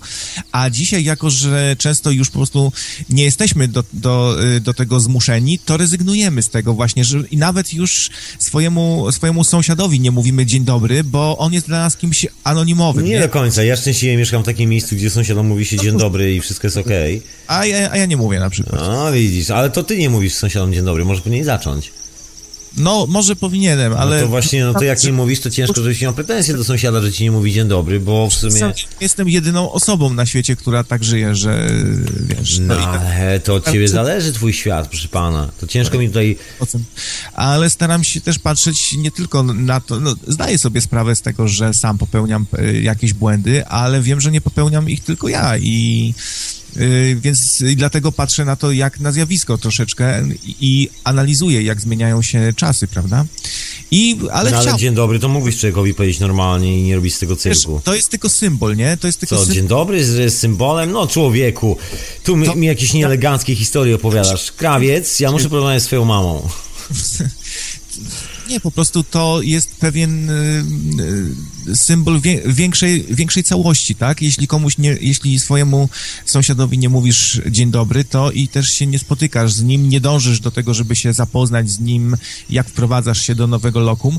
I ja nie czuję w sobie takiej, mm, y, takiej potrzeby, powiem szczerze, za bardzo, wiesz, żeby się tam kumać zaraz z Ale nie kimś. musisz się kumać, po prostu powiedz człowiekowi dzień dobry, ja wcale nie każę ci robić dzieci z jego żoną. Rozumiesz? To, to tylko dzień dobry, man. Nic więcej, tylko dzień dobry. Jak go zobaczysz, powiedz mu po prostu dzień dobry, kiwnij głową i to wszystko, idź dalej w swoją stronę. To tylko dzień dobry. To dobra, takie dzień dobry to dalej nic, nic nie No załatwia. man, taki dzień dobry powoduje, że robi się miło dookoła, bo ludzie sobie mówią dzień dobry. Owszem, robi się miło, I na ale, tym to polega. ale nic poza tym. Mam na myśli No tak... ale man, no, to nie chodzi o robienie rewolucji, tylko o robienie po prostu miłego dnia. Już nie wymagajmy od dzień dobry, żeby... Nie, żeby mam wypełniał za nas kupon totolotka i było trafienie w siódemkę, rozumiesz? Zwykły dzień dobry. Chodzi, chodzi mi o, o jakieś szersze, wiesz, o rozwinięcie tego, kiedy to dzień dobry prowadzi do jakiegoś zapoznania się, do... Man, ty już przesadzasz, już, no to jak chcesz większe zapoznanie, to powiedz, podejdź do człowieka, zacznij rozmowę, przywitaj się, powiedz jak masz na imię. Wszędzie na świecie się robi dokładnie tak samo. Przepraszam, że tak, że tak powiem krzyczę, ale to wydaje mi się takie dosyć naturalne, no bo jak chcę kogoś poznać, to dokładnie w ten sposób, no inaczej się nie da, no. Wiesz, muszę podejść do człowieka, przedstawić się, rozumiesz, yy, powiedzieć hello, co słychać, zacząć tak zwany small talk, w ogóle skumać, co to za postać, wiesz, fajnie jest pogadać sobie, poznać człowieka jakiegoś, rozumiesz, wszystko jest okej, nie? Nie każdy czuje taką... No ale jak chcesz poznać, to i tęsknisz do tego, no to, to poznajesz, a W jak... pewien sposób tęsknię, a w pewien nie, bo też nie do końca mi odpowiada taki świat, w którym muszę cały czas y, żyć z tą społecznością. Jakaś tam, wiesz, no pragnienie jest, To ale... musisz zdecydować, czy chcesz poznać sąsiada, czy ty chcesz mu tylko powiedzieć dzień dobry, bo jak chcesz powiedzieć dzień dobry, to mówisz mu dzień dobry, jak chcesz poznać, to oczywiście w tym momencie musisz zagadać do sąsiada jakimś miłym słowem, się, co u niego słychać. Gdybym się, gdybym się zdecydował nagle zwiać z miasta i żyć właśnie z jakąś taką bardziej dziką społecznością, to musiałbym bym właśnie diametralnie zmienić swoje nastawienie do innych. Mu, musiałbym zacząć współpracować i, i pomagać innym i nauczyć się i dawać i brać.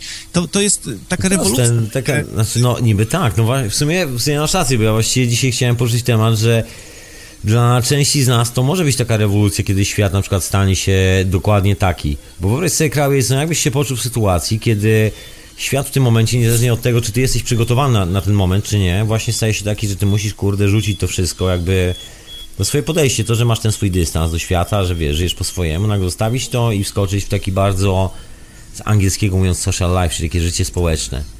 No, Takie byłoby wiesz, to te, te, te, tak bardzo szybko. Na przykład czegoś, czegoś obawiasz w ogóle w takim życiu społecznym, co na przykład cię z dzisiejszej perspektywy potencjalnie mierzi. Co, ja, ja żyję tak trochę w świecie swoich własnych y, spraw, projektów. Y, no takim, no, y, no wychodzi na to, że jestem y, takim egoistą trochę, nie? Y, ale to są takie właśnie egoistyczne czasy. Tro, Słuchajcie, tro, krawiec się przyznał.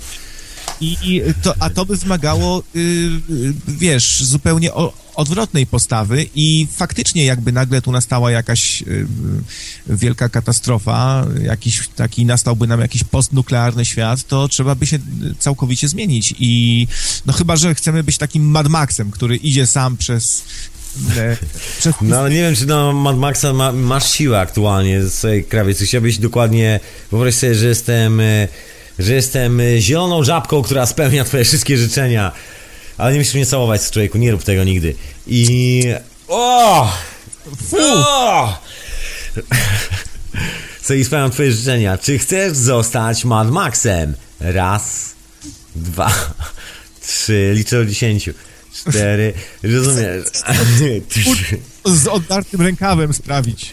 Rozumiesz? No właśnie, dowcip polega na tym, że nikt właśnie nie chce zostać Mad Maxem i, i ta cała rzeczywistość pod tytułem e, straszenie nas troszkę takim pomysłem, że wie, że świat się zawali, że będziemy musieli z jakimiś szaleńcami dealować, polega na tym, że właściwie ci szaleńcy są tylko i wyłącznie w głowach dzisiejszych scenarzystów, którzy nigdy się też nie skonfrontowali z taką sytuacją i to jest taka zabawna sytuacja, że sobie wymyśliliśmy taką, no, rzeczywistość science fiction troszeczkę, taką płaską ziemię sobie wymyśliliśmy i uwierzyliśmy w tą płaską ziemię i nagle jest takie odkrycie, kurde, a ziemia jest okrągła, shit.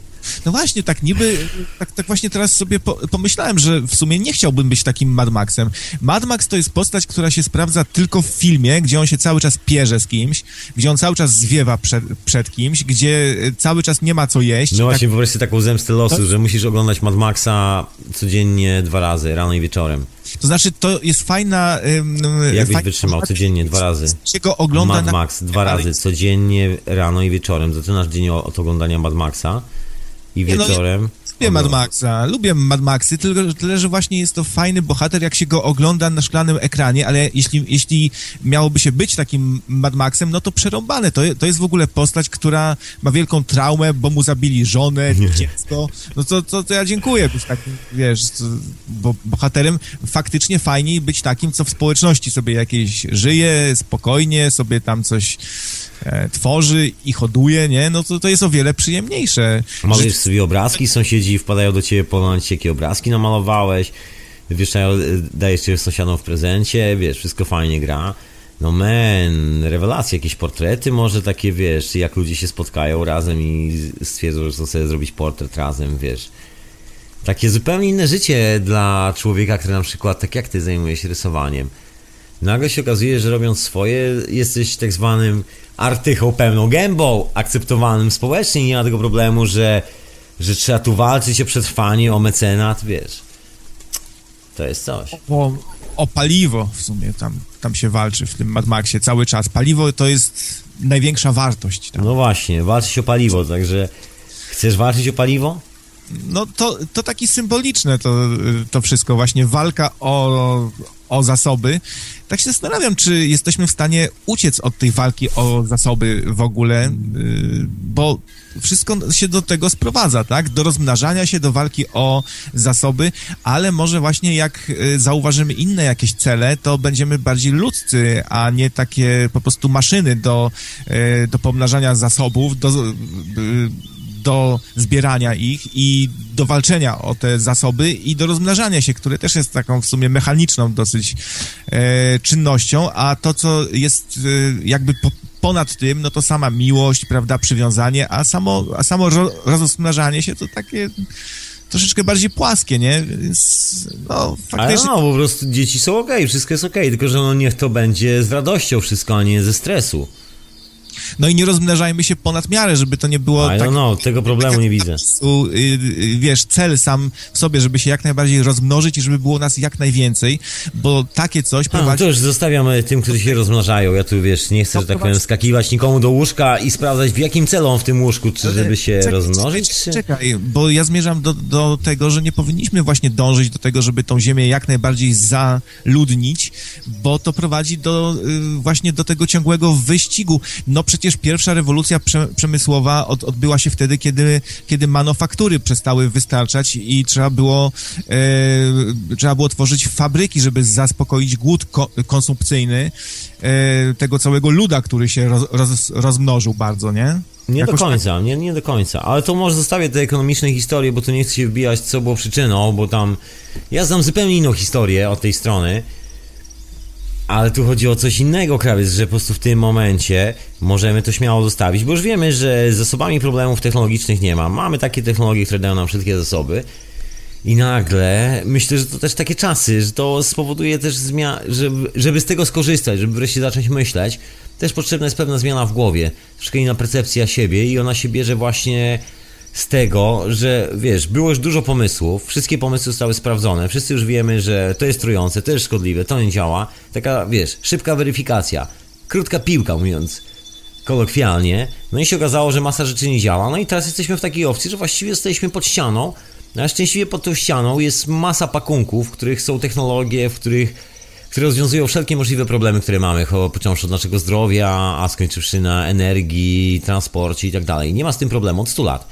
No i myślę, że teraz już chyba nadszedł właśnie ten moment po tych wojnach, po tych targaniach się, po tych, wiesz, wymyślaniu sobie problemów, które w rzeczywistości nie istnieją, łącznie z tym, że jest jakaś prze, przepopulacja na Ziemi, że za dużo zi- ludzi i tak dalej. To jest oczywiście absolutnie kłamstwem, bo jak się okazuje, Ziemia jest w stanie przyjąć tam 3 czy 4 razy więcej ludzi niż aktualnie jest na Ziemi i nie ma problemu z zasobami. To jest tylko pomysł pod tytułem jak kontrolować wszystkich, żeby ta sama fabryka zdołała obsłużyć wszystkich. No i to wszystko. Ale generalnie tłok nie, nie sprzyja... Ale nie ma miejsca na tłok, wiesz, za bardzo. Jak przeliczysz sobie powierzchnię Ziemi, tak fizycznie, bo mało ludzi to robi, jakieś z kolegą zrobiłem taki numer, że przeliczyliśmy powierzchnię planety Ziemia. Poważnie, są takie dane i przeliczasz. Odliczyliśmy oczywiście powierzchnię gór, odliczyliśmy powierzchnię pustyń, wzięliśmy takie normalne miejsca, na których może zamieszkać. No takie naprawdę okej.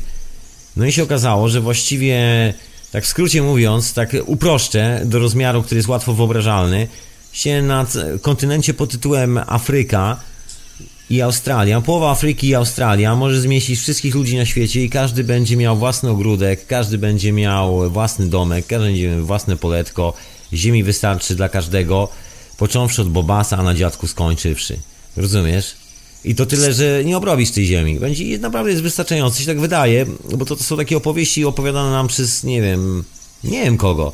A to wystarczy wziąć sobie kalkulator, wziąć sobie policzyć powierzchnię ziemi, powierzchnię tych terenów, w których da się zamieszkać i nagle się okazuje, że cały ten, że tak powiem, legendarny mit o tym, że nas jest za dużo, że zasobów brakuje, że nie ma gdzie mieszkać, że tłoczno, nagle okazuje się jakimś pomysłem wariata, który no, za bardzo nie ma pojęcia o czym mówi chyba. No nie wiem, czy tak bym się do końca... Sprawdź tym kalkulatorze, poważnie. No, bo to nie chodzi teraz też tylko o to, żeby tą ziemię zaludnić jak się tylko Ale da. nie chodzi o zaludnianie, bo to w ogóle też nie jest problem, bo to tak troszeczkę my się martwimy chyba o coś, co w ogóle nie jest naszym problemem, że, że wiesz, no jak ktoś tam... Ja myślę, że, że kolonizacja planet innych to jest bardzo fajna idea i powinniśmy to bardziej się, się na takich sprawach y, skoncentrować. Byłoby może mniej tu wojen i konfliktów, gdybyśmy się skupili na kolonizacji właśnie innych światów. Gdyby już te planety inne były do zamieszkania y, przez nas, to by było mniej może sporów, bo niektórzy by sobie poszli tam, gdzie im lepiej, na planetę inną i tam sobie czcili na przykład Allaha jakiegoś czy coś. Planeta Allaha. E, inna planeta byłaby jeszcze dla No kogoś. wiesz, to raczej ci się nie uda, bo to marzysz o takim świecie, w którym nagle okazałoby się, że ci, którzy mają technologię, odlecieliby z twojej planety. Okazałoby się, że z powrotem jesteś w tym samym miejscu, w którym byłeś wcześniej.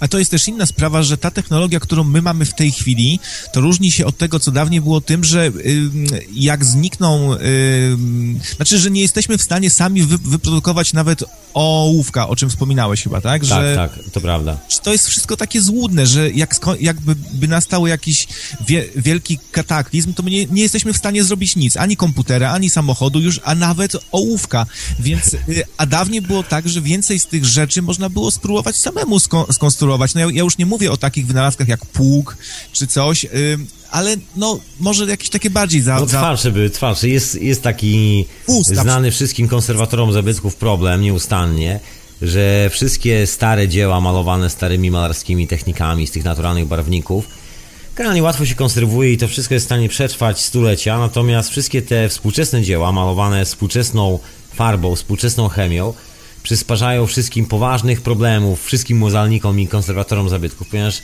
no po prostu za cholerę się nie da tego zakonserwować, to się ciągle sypie, bo trwałość tych materiałów jest praktycznie żadna. I to jest problem współczesnej sztuki, także z okazji tego, że ta cywilizacja postawiła troszeczkę na taki e, syndrom pod tytułem uciekaj e, szybko, kradnij i uciekaj, zabieraj i uciekaj, się okazało, że niewiele z niej może przetrwać po prostu w, sensie fizycznym, bo część e, kultury, tego dorobku intelektualnego, który został wyprodukowany po to, żeby chwalić jej wielkość, tej kultury oczywiście, został zrobiony na tych dosyć, że tak powiem, trwałych materia- słabo trwałych materiałach. Także taki paradoks historii troszeczkę, że jak na ironie właśnie z tej kultury właśnie nic może później nie zostać. Ja pamiętam moje pierwsze wideo VHS, y, które było właśnie takie bardzo proste i toporne i ono działało jakiś straszny, strasznie długi czas, nie wiem, z, dwa, z 20 lat chyba, czy z 15, jakoś tak. A, a porównajmy to do dzisiejszego napędu DVD, nie? W którym y, jakaś tam so, soczewka się zabrudzi. co, mi się ciągle psuje i Jesteśmy w stanie tego, tego naprawić już. aktualny znowu nie działa. Y, y, słucham, słucham, co Mój aktualny napęd też znowu nie działa.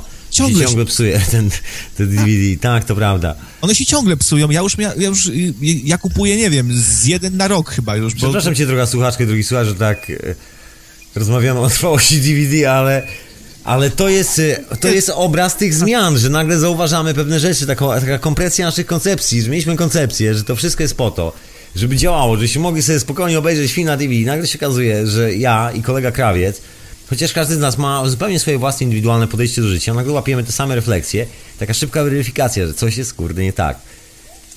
I, I podobnie było ze, ze starszymi komputerami, które Słuchaj, też się... Krawiec, dobra, to zostawmy może komputery, maszyny i przejdźmy do tego wątku głównego, który mi ciągle tu łazi po głowie, czy tej sfery wizyjnej, bo to jest dla mnie istotna sprawa, słuchaj, czy...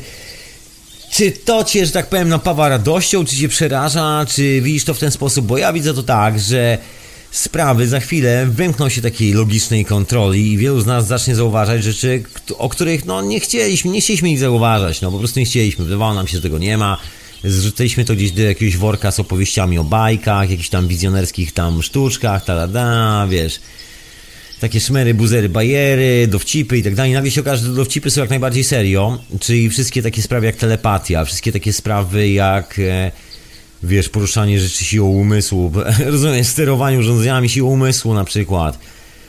Rozumiesz, rozmowy zdalne umysłem z innymi wymiarami, podróże głową gdzieś nie wiadomo gdzie. Co ty, co ty w ogóle o tym wszystkim myślisz? Czy to jest dla ciebie tak sklejone z technologią, czy ty, czy ty twierdzisz, że to w ogóle gdzieś tam z boku jest? No, y, ja wyznaję to, to co powiedział to słynne powie, porzekadło y, C. Clarka, który powiedział, że bardzo zaawansowana te, technologia i nauka to z dzisiejszego punktu widzenia to jest magia, nie? I więc myślę, że, że taka telepatia to jest wykorzystywanie właściwości i umiejętności naszego mózgu, których jeszcze nie, nie, nie wszyscy to poznaliśmy, ale część już y, z nas tak i mm, na pewno będzie to rewolucja taka, y, no przynajmniej taka jak, in, jak internet na przykład, nie? No to, no to była dosyć spora rewolucja i to będzie coś w tym stylu, bo nagle zaczniemy się dzielić swoją myślą. y, No właśnie, Krajec, ale tak się pytam, bo tak, z jednej strony jesteś bardzo otwarty w tym momencie na ten pomysł, a z drugiej strony sąsiadowi boisz się powiedzieć dzień dobry. Jak ty to człowieku zniesiesz, bo to jest takie okrutne. W tym momencie wszyscy usłyszą, co masz w głowie. Tak, są, są takie wizje na przykład y, dla chrze- y, u, u chrześcijan niektórych, że Dzień bez piekło, Jezusa dniem straconym. o, y, ż- spokojnie, spokojnie, że piekło to jest taki stan, w którym z, zostajesz z własną myślą, sam, sam ze sobą i masz po, po prostu bardzo mocny wgląd w swoją własną myśl, nie? W to, w to kim jesteś, co e, zrobiłeś. E, zbliżony stan e, następował u ludzi, którzy, u których się odcięły No to jak medytacja. y, y, różne re, re, receptory, tak? Y, Po prostu nie, nie widzieli nic, nie słyszeli, bo zachorowali jakoś tak bardzo i podobno wtedy wprowadzamy się w, no, w niesamowity stan, w którym z, zmieniamy się całkowicie, bo nagle Jest so- takie urządzenie, krawiec, nazywa się komora deprywacyjna. To jest tak, taka duża wanna, wchodzisz do takiej wanny, ma specjalną wodę z odpowiednią proporcją soli, tak, że nigdy nie utoniesz w tej wodzie. Cały czas po prostu cię wypiera do góry, jest duża wyporność. No i są gaszone wszelkie światła. Woda ma temperaturę dokładnie twojego ciała, ewentualnie minimalnie sobie ją tam troszkę cieplej albo troszkę ciszy, troszkę, troszeczkę chłodniej ustawiasz. Jest w ogóle sam system dookoła, jest specjalne światło i przede wszystkim brak w ogóle żadnego światła. No i generalnie wchodzisz tam do tej wody, jest wyłączane właśnie światło i sobie tak dryfujesz. Zamykasz oczy, jesteś w kompletnych ciemnościach i masz odcięte właściwie wszystkie receptory, bo pływając w wodzie organizm nie odbiera informacji, na przykład wiesz, z rąk, z nóg, schodzenia w ogóle, wiesz, wszystkie receptory są uśpione i w tym momencie dosłownie tripujesz. Leżysz sobie w wannie, w której pływasz i, i masz tripa. Tak, coś o tym słyszałem. Ty mówiłeś kiedyś, że my mamy w mózgu jakiś kryształek, tak? Mamy, magnetyt się nazywa. Jak to z tym jest? Mógłbyś parę słów o tym powiedzieć? No Bo to- mamy kryształ w szyszynce, w samym środku mózgu, takim najważniejszym kawałku w sumie. No najważniejszym nie do końca, bo każdy kawałek jest najważniejszy. Każdy ma swoją rolę, ale taki bardzo centralny kawałek, gdzie manifestuje się energia, która zasila właściwie nasz cały mózg i nasz organizm prąd elektryczny przysłowiowy. Przynajmniej to, co my nazywamy prądem. Dzieje się właśnie w naszej szyszynce między innymi. Masz, dwa, masz tam kamyki, nie, nie dwa, nie trzy, tylko tak no potężną ilość tych kamyków. 30 parę, czy jakoś tak, różnie. Nie pamiętam, trzeba by sprawdzić na internecie. Są zdjęcia robione mikroskopem takim specjalnym, właśnie już na zwłokach, gdzie tam krojono mózg i robiono właśnie zdjęcia tych, ma, tych magnetytów, malutkie takie kryształki heksagonalne. Może ten kryształek, może... No i one są, poczekaj, bo to jest magnetyt. Coś takiego? Bo to jest magnetyt, czyli to jest metaliczny kryształ. Rozumie pan? Zatem ma właściwości magnetyczne, tak jak się nazywa. To jest taki malutki magnes, naturalny magnes. Kryształ, który ma właściwości magnetyczne. No i tych kryształów mamy troszeczkę w szyszynce, a szyszynka jest czymś takim jak gąbka. Jak ciastko z rodzynkami. Te rodzynki to jest magnetyt. I kiedy są blisko siebie, a ta gąbka, to ciasto jest cały czas y, w ruchu, jest dynamiczne, jest miękkie, taka gąbka, która cały czas się ściska i rozpręża, to te, kamy, to te kamyki się troszeczkę przemieszczają obok siebie, one tworzą taki łańcuch troszeczkę, tak to wygląda takie, no taki łańcuszek troszeczkę. No i wydzielają iskierki elektryczne, bo to jest wyładowanie elektrostatyczne, znaczy elektryczne, no plazmowe, tam się pojawia plazma. I właśnie ta plazma powoduje pojawienie się energii dookoła w naszym organizmie, między innymi jest właśnie odpowiedzialna za tę historię. Także jest to, no można powiedzieć, jedno z, z takich najważniejszych źródeł zasilania naszego fizycznego organizmu. Ten kamyk, który nosimy w głowie, ten magnetyt. Najsłynniejszy jasnowic k- w Polsce, Krzysztof Jackowski, twierdzi, że przy jasnowidzeniu największą rolę odgrywa płat czołowy. I, On procesuje informacje, ponoć jest taka oficjalna info...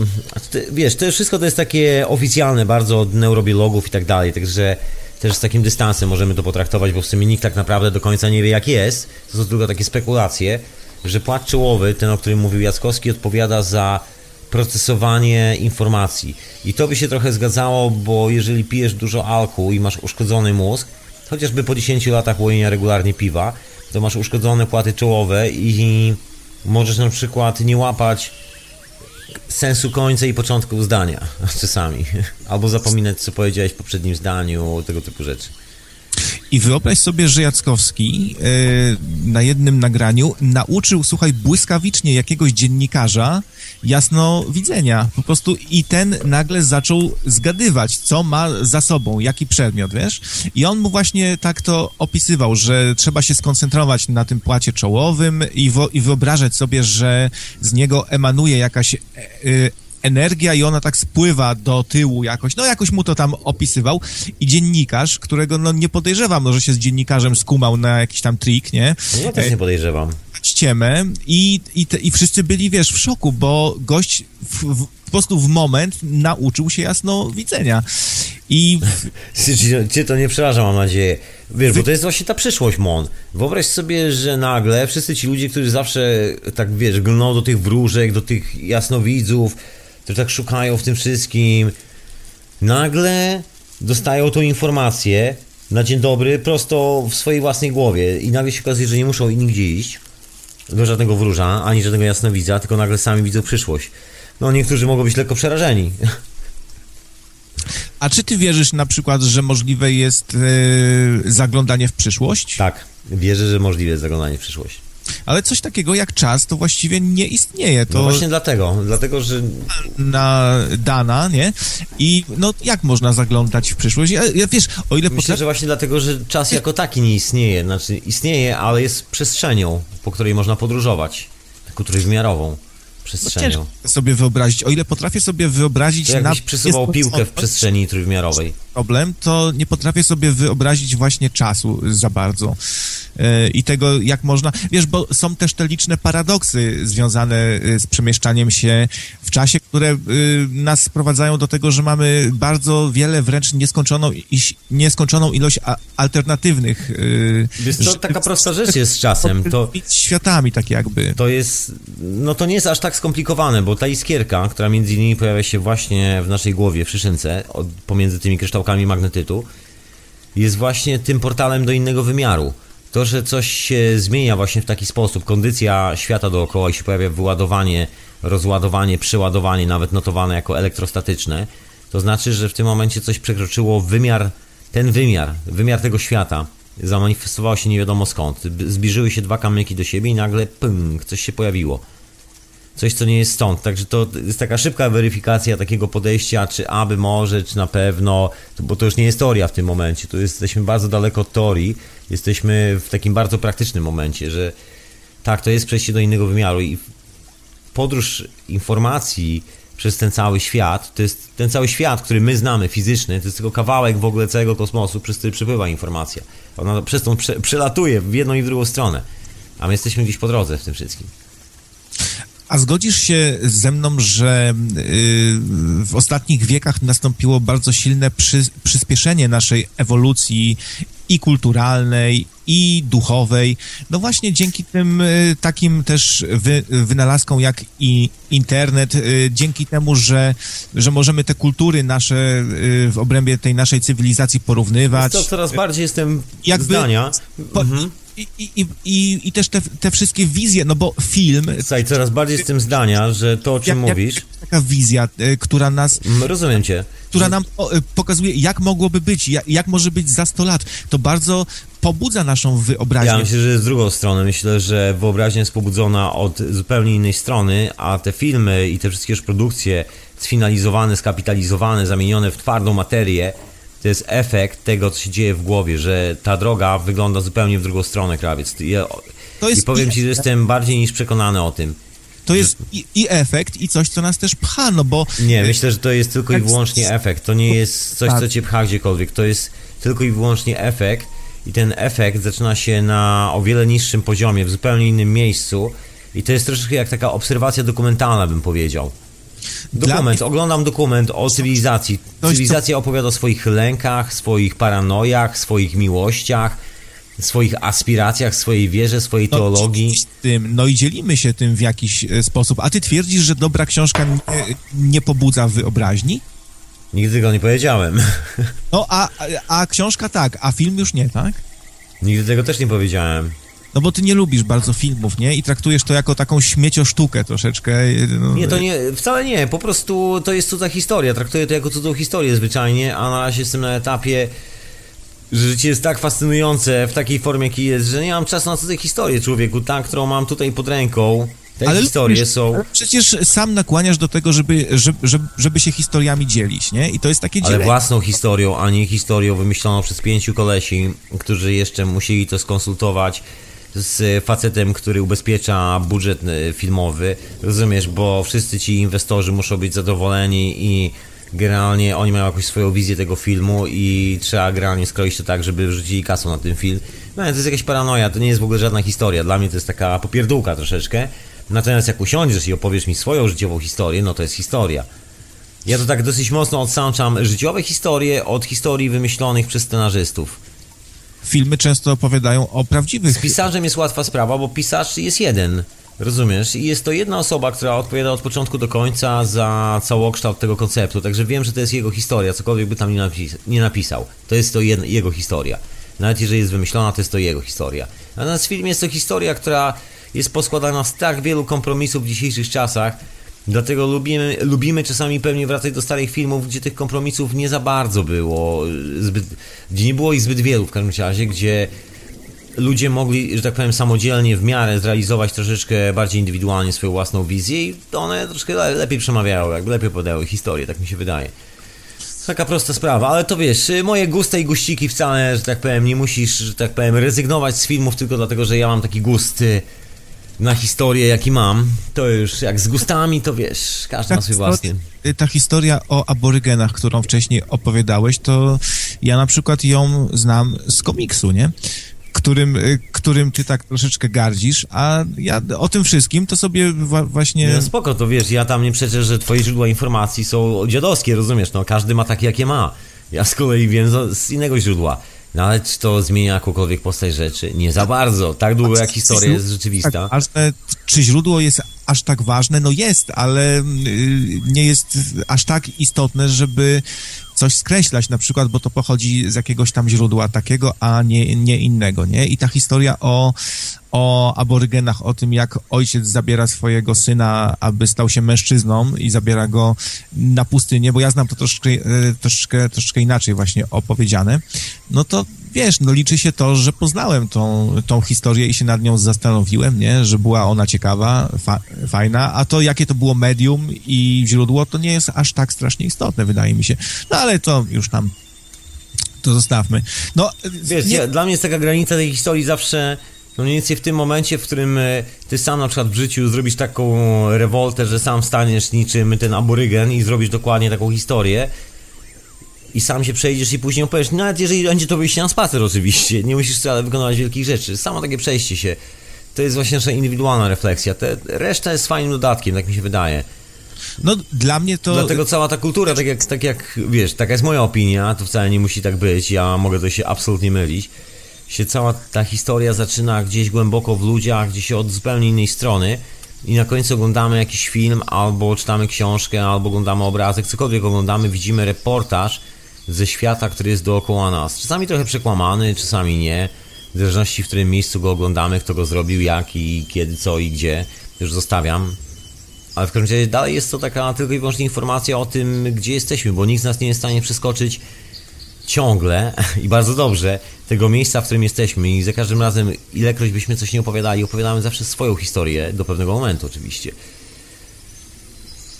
A, a powiedz, jak sądzisz, yy, jak będą wyglądały teraz zmiany na Ziemi? Jak szybko to się stanie? Jak wielka będzie to rewolucja? Ja myślę, że to się dzieje cały czas. To, to jest aktualnie w drodze i to jest mocno w drodze. Także ciężko mi tutaj mówić, że wiesz, w czasie rozłożone to się właśnie dzieje. Yy, pewnie stawiasz na to, że wynalazki, o których mówisz ostatnio właśnie często, e, cache i te sprawy odegrają... No to jest ślad tego, to jest, to jest ślad tej historii. To musiało w pewnym momencie wybuchnąć i szczęśliwie się stało tak, że wybuchło dokładnie w tym czasie, w którym my tu jesteśmy i możemy się tym zająć na przykład. No bo to są takie zmiany, które, które pociągną za sobą bardzo wiele innych zmian, nie? One ciągną już za sobą. mhm. łańcuchowy, bo nasza cywilizacja bardzo mocno się opiera właśnie na surowcach, na, na tym, w jaki sposób je, je wydobywamy, jakie to surowce są, na energii, nie? Ta energia jest czymś cholernie ważnym i jak tu nastąpi jakaś zmiana, to to pociągnie za sobą rewolucję w bardzo wielu dziedzinach ży ży życia, prawda? Tutaj mamy gościa. Witam serdecznie, Danielu. Witam, dobry wieczór. Dobry wieczór, szanownemu panu. Jak zdrówko? A, dziękuję bardzo. Dobrze. To doskonale tak słyszeć. Doskonale. Niech pan dołącza do dyskusji. Tak, bo widzę, że dzisiaj taki temat luźniejszy. Nie wiem, czy e, przypadkiem, czy, czy, czy nie, czy taki zamierzony był cel. A jako, że czuję się lepiej w luźniejszych tematach. A, rozumiem. To przywiało w progi radio na fali, człowieku. Przywiało, owszem. Bardzo I dobrze. też spodobała mi się twoja refleksja, bo tam z doskoku słucham twoich audycji i No, przyznam, no. przy, przyznam otwarcie, że nie zawsze się zgadzam jakby z, z twoją wersją. Nareszcie. bardzo dobrze, Tak. bardzo dobrze. O to chodzi. Słuchaj, e, tak, ale refleksja odnośnie filmów i kina i tego jakby tutaj twojej, no może nie tyle niechęci, ale i też nie obaw, tylko jakiegoś takiego odrzucenia. Nie, nie mam odrzu- zainteresowania. Tak zwyczajnie nie jest to kwestia wewnętrznej walki u mnie. Ja naprawdę nie muszę się, się ścierać ze sobą, czy ja to obejrzę, czy nie obejrzę. Rezygnuję z tego, rzucam to. Nie, nie, nie. Po prostu naprawdę nie chce mi się. Po prostu to- nie chce mi się. Słabe coś- to jest. Słaby jest, ale wiesz co, wydaje mi się, że cennym jest jakby mm, opisanie i nazwanie tego, bo nie wszyscy chyba uświadamiają sobie takie coś, a jeśli usłyszą definicję czy opis, to może być to jakieś ułatwienie w życiu, taki No jest to taka metafora, która skraca troszkę dystans do tej Tak. koncepcji. E, bo, bo y, no, jeśli o mnie chodzi, to mogę na swoim przykładzie powiedzieć, że mam podobne odczucia, ale mm, zauważyłem to jakby tą zmianę w kontekście przeniesienia się z miasta większego do, do małej miejscowości. I to, co mówiłeś, że że, że filmy, że, że, że znaczy ja to tak zrozumiałem, może coś źle, ale, ale może, może będę bliski temu, że filmy opisują pewną rzeczywistość, którą człowiek często przy, która towarzyszy mu tam, gdzie mieszka, że, że jednak miasta jakby prowokują do tworzenia treści, które opisują to miejsce. Jeśli człowiek zmienia miejsce, to nagle traci sens potrzeby kontaktu z tymi rzeczami. One są swego rodzaju kapsułą taką mentalną, ja bym to tak określił. Jeśli ubieramy się w modne ciuchy, bo żyjemy w mieście, które wymusza na nas w jakiś sposób y, wyglądanie bycie modnymi, jakby taką... Jest taki filtr komunikacji społecznej ogólnie przyjęty. No, dokładnie. I też, i, i też jakaś atrapa taka y, czegoś, y, co sami moglibyśmy do, doświadczyć, a oglądamy to wirtualnie, nie? Jak, jak to robi ktoś. Chociaż dla mnie film jest często właśnie też i inspiracją, żeby zrobić coś, żeby się nad czymś zastanowić i taką inspiracją dobrą, nie? Myślę.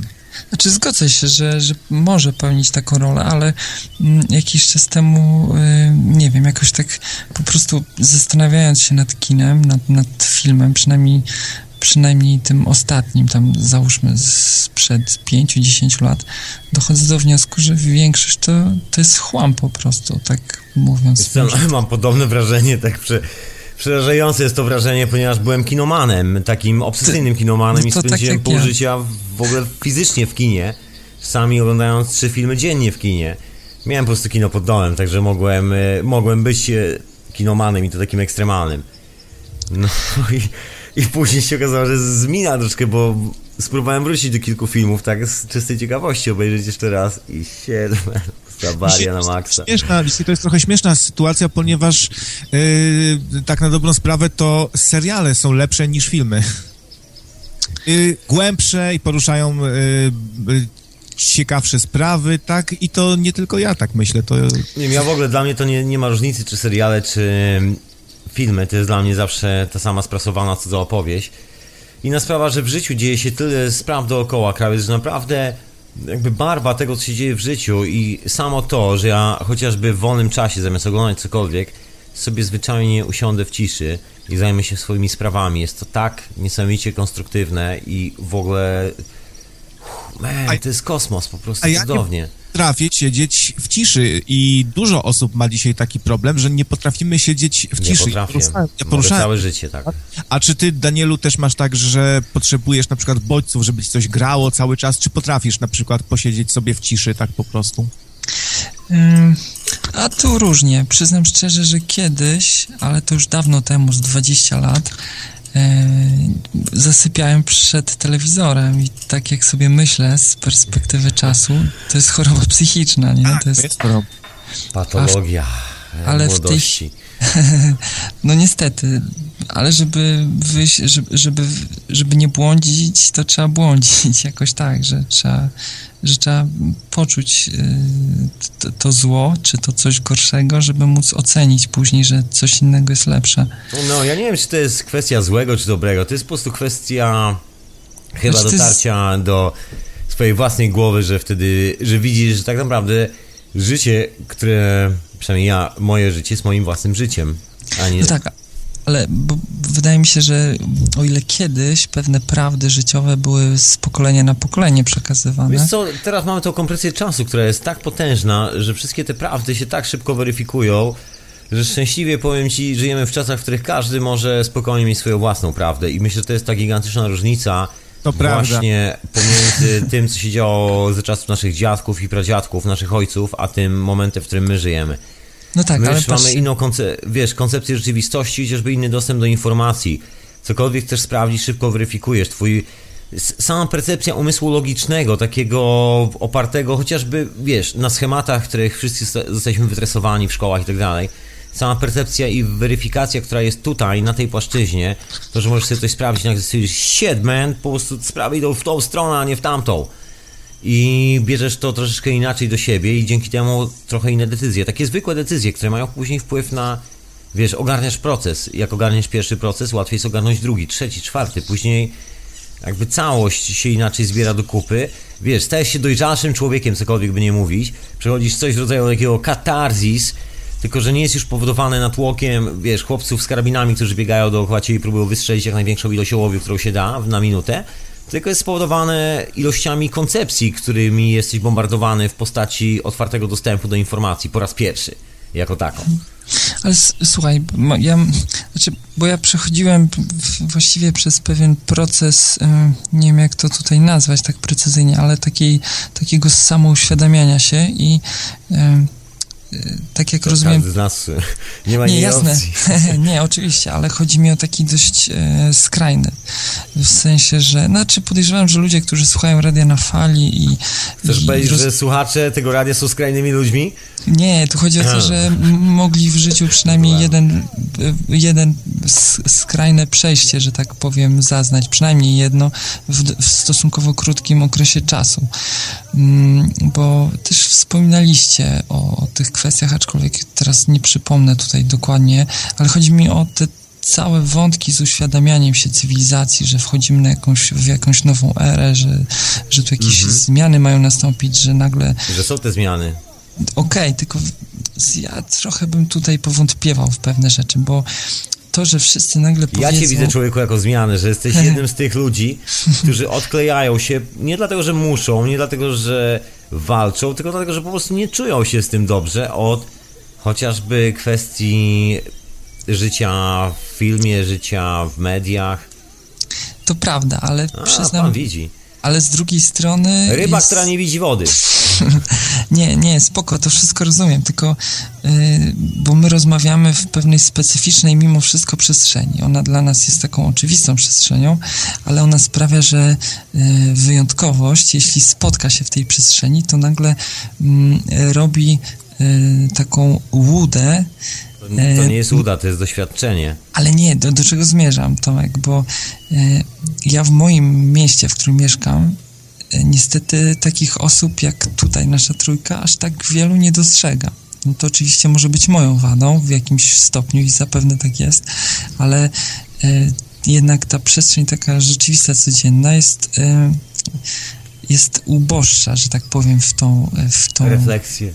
Nie, no refleksja, ale chodzi mi o, o, No wiem, o o ten ci chodzi, potencjał że- taki, który tutaj na antenie łatwo wytworzyć, bo dwie osoby zadzwonią i nagle się okazuje, że wszyscy myślimy podobnie. Ale na, w życiu, czyli w tej przestrzeni, która mimo wszystko jest podstawą z dużo tego, strategii, dużo gier, takich indywidualnych i nie mieścimy się w zakrętach. No. Czasami rozmawiając No. z kimś. No tak, ale wiesz, bardziej mi chodzi o tą sferę taką e, duchową i tą wychodzącą poza, poza biologię i po, poza podstawowe te procesy, które nam służą do przetrwania. Prawdziwą sferę. No wiesz co, wszystkie są prawdziwe, bo, bo jakby rezygnacja z którejś z nich sprawi, że się stoczymy i to dość solidnie, tak mi się wydaje. A, a to jednak się nie dzieje, że, że, że mimo iż jakby... Bo jedna buduje drugą, balans jest w naturze. Znaczy ten, ta harmonia, balans, nie wiem jak to zwało, bo to też nie jest na zasadzie stałego układu, to jest ciągle układ dynamiczny. To No jest właśnie. natura tego, że są dwie rzeczy, my widzimy tylko dwie rzeczy, ale w rzeczywistości jest jedna, która się manifestuje na wielokroć sposobów. Przynajmniej ja mam takie podejście do tego, to jest moja obsesja na tym punkcie. Słuchaj, no a być może jest tak, że ta, ta biologiczna i ta mechaniczna część naszego życia, ona niestety nie pozwoli tej drugiej tak szybko wybić się. Myślę, że ona, ona jest związana z całymi procesami kosmicznymi, planety i wszystkim, cokolwiek możemy sobie wyobrazić nawet już teraz. I to w taki sposób, że nie mamy żadnych szans na to, że wiesz, że powiem, że a, bo to może nie ma szans się wybić. To nawet nie mamy, nie mamy żadnej szansy, żeby tu się schować gdziekolwiek. Bo jest to związane bardziej z pulsem planety, bardziej z pulsem no, całego kosmosu, który nas dotyczy. To są te historie z częstotliwościami Schumana, że Tak, to tak. jednak oddziałuje na nasz mózg właśnie przez te kawałki magnetytu w naszej głowie. Bo one oddziałują z ogólnym polem elektromagnetycznym, znaczy magnetograwitacyjnym Ziemi. I na tym polega ta historia. Tak jesteśmy połączeni wewnątrz. To jest troszeczkę tak, jakbyśmy mieli dokładnie ten sam rezonator, który jest wszędzie w kosmosie w sobie. Tylko wiesz co, tak się zastanawiam, czy my w obrębie Ziemi mimo wszystko w zbyt dużym szumie nie żyjemy na własne życzenie właśnie. Tak, żyjemy. Jest, ten szum jest straszny i to, że ten szum, on y, i, i tak po sobie obserwujesz, że to, że jestem tak uzależniony, y, jak wiele osób, od bodźców i cały czas muszę czegoś słuchać, muszę oglądać, to sprawia, że, że to zabiło we mnie jakąś taką intuicję. Ja miałem kiedyś bardzo dobrą intuicję i, i coś, co balansowało na granicy jasnowidzenia wręcz, że pewne sprawy przeczuwałem, pewne czułem. Dzisiaj już tego nie mam, tak jakby mi to, za, ten szum właśnie zagłuszył i ten pośpiech, to, że dzisiaj się ludzie nie potrafią skoncentrować na, y, na niczym, że wiele osób nie, nie potrafi się skoncentrować, że ciągle się spieszy. To No to poczekaj, bo to troszkę obwiniamy cały świat, troszkę krawcze. czasu, No dobrze, ja mówię jak mówię. y, Mówmy za siebie, bo tak obwiniamy cały świat i ja tak się czuję, tak co? Ja, ja się- ja taki jestem, nieogarnięty? Co? Tomek, ja się z kolei jak w szkole, w szkole czuję trochę, jak, jak wiesz, Belfer cały czas Dobrze, mieli. przepraszam bardzo. Nie karp się, nie mów tak, y, wiesz, to, Popraw krawat. Dobra, słuchaj, mówię jak mówię, mam, mam swoje jakieś, y, jakieś Dobra. refleksje, no i tak, tak czuję po prostu, że trzeba trochę zwolnić i, i wyciszyć się i to by już bardzo dużo nam y, dało, bo powróciłaby jakaś taka zdrowa intuicja. I, I takie czucie. I jak człowiek nie ma czasu się, się nawet skoncentrować i porozmawiać nawet z drugim człowiekiem, bo się spieszy, już musi biec, bo ma, ma, ma telefon drugi, to jak on ma coś czuć? No właśnie, da Daniel, bo ty wykonałeś taką rewoltę, przeniosłeś się do miejsca, gdzie mniej impulsu, więcej czucia. Tak. Y, Znaczy, wiecie co, bo to jest tak, że ten pierwszy etap, y, jak wszystko, co w życiu nam się podejrzewam nowego przytrafia, wyzwala taką potrzebę dzielenia się z tym, y, tym z innymi. I człowiek tak naiwnie wychodzi do ludzi i opowiada, że coś się zmieniło w jego życiu, że, że, jest, że jest fajniej, ale właściwie nikogo to nie obchodzi specjalnie. Każdy ma swoje życie i ten, i a potem taka, znaczy nie tyle znieczulica, tylko człowiek sam już jakby uznaje, że to jest jego normalność i już przestaje to być jakąś atrakcją w, i żyje w tym, tym sposobem. I, I jest normalnie. jest normalnie i raz na jakiś czas ktoś tylko uświadomi ci, że, że w sumie żyjesz w jakimś takim em, fajnym systemie, słuchajcie, bo ja to na takich drobnostkach się skupiam. Na przykład e, celebruję, o czym chyba z tego co pamiętam, Tomek, ty też jakby dbasz o to, żeby, żeby śniadanie było jednak takim czasem e, w skali No, dnia świątecznym. kawka, no oczywiście, kanapeszka, własny chlebek, jakiś taki, No właśnie, wiesz, ja nawet mam własne masło, z jakiś twaróg mamy od cisza w pani. z- kuchni, rozumiesz, widok na ogródek, jak jakiś kot się przyciąga na ogródku sąsiadów, co się często No. zdarza, albo jakieś ptaki sobie biegają po łące. Wiesz, Jest- spokój.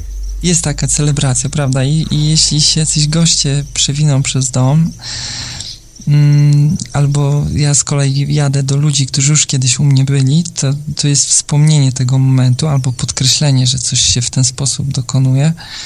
I sobie człowiek wtedy uświadamia, że jakby zadbał, żeby, żeby coś w tym całym czasie jego takim dobowym, czy tym rytmie tam dobowym, tygodniowym, żeby coś miało taki mm, Mieć wyraźny... czas dla siebie zwyczajnie. Na, jak No. pijesz kawę, to pijesz kawę, a nie robisz 300 rzeczy naraz. Z tą To kawą to jest podoba. różnie akurat, Znaczy, bo w cudzysłowie z kawą, to bardziej chodzi o pomysł na życie. Tutaj jest w Londynie taka historia, że dużo ludzi z południa Europy, z Włoch, się śmieje strasznie i szydzi, wręcz tak, no nie obsesyjnie, ale mocno szydzi czasami, z podejścia Anglików i Amerykanów do picia kawy, z tego, że ktoś sobie kupuje kubek z kawą i biegnie z tą kawą przez miasto i oni się pukają w głowę, twierdząc, że ten ktoś w ogóle nie zrozumiał, po jaką cholerę jest w ogóle kawa. Kawa jest po to, żeby usiąść i się napić na siedząco, właśnie po to jest kawa.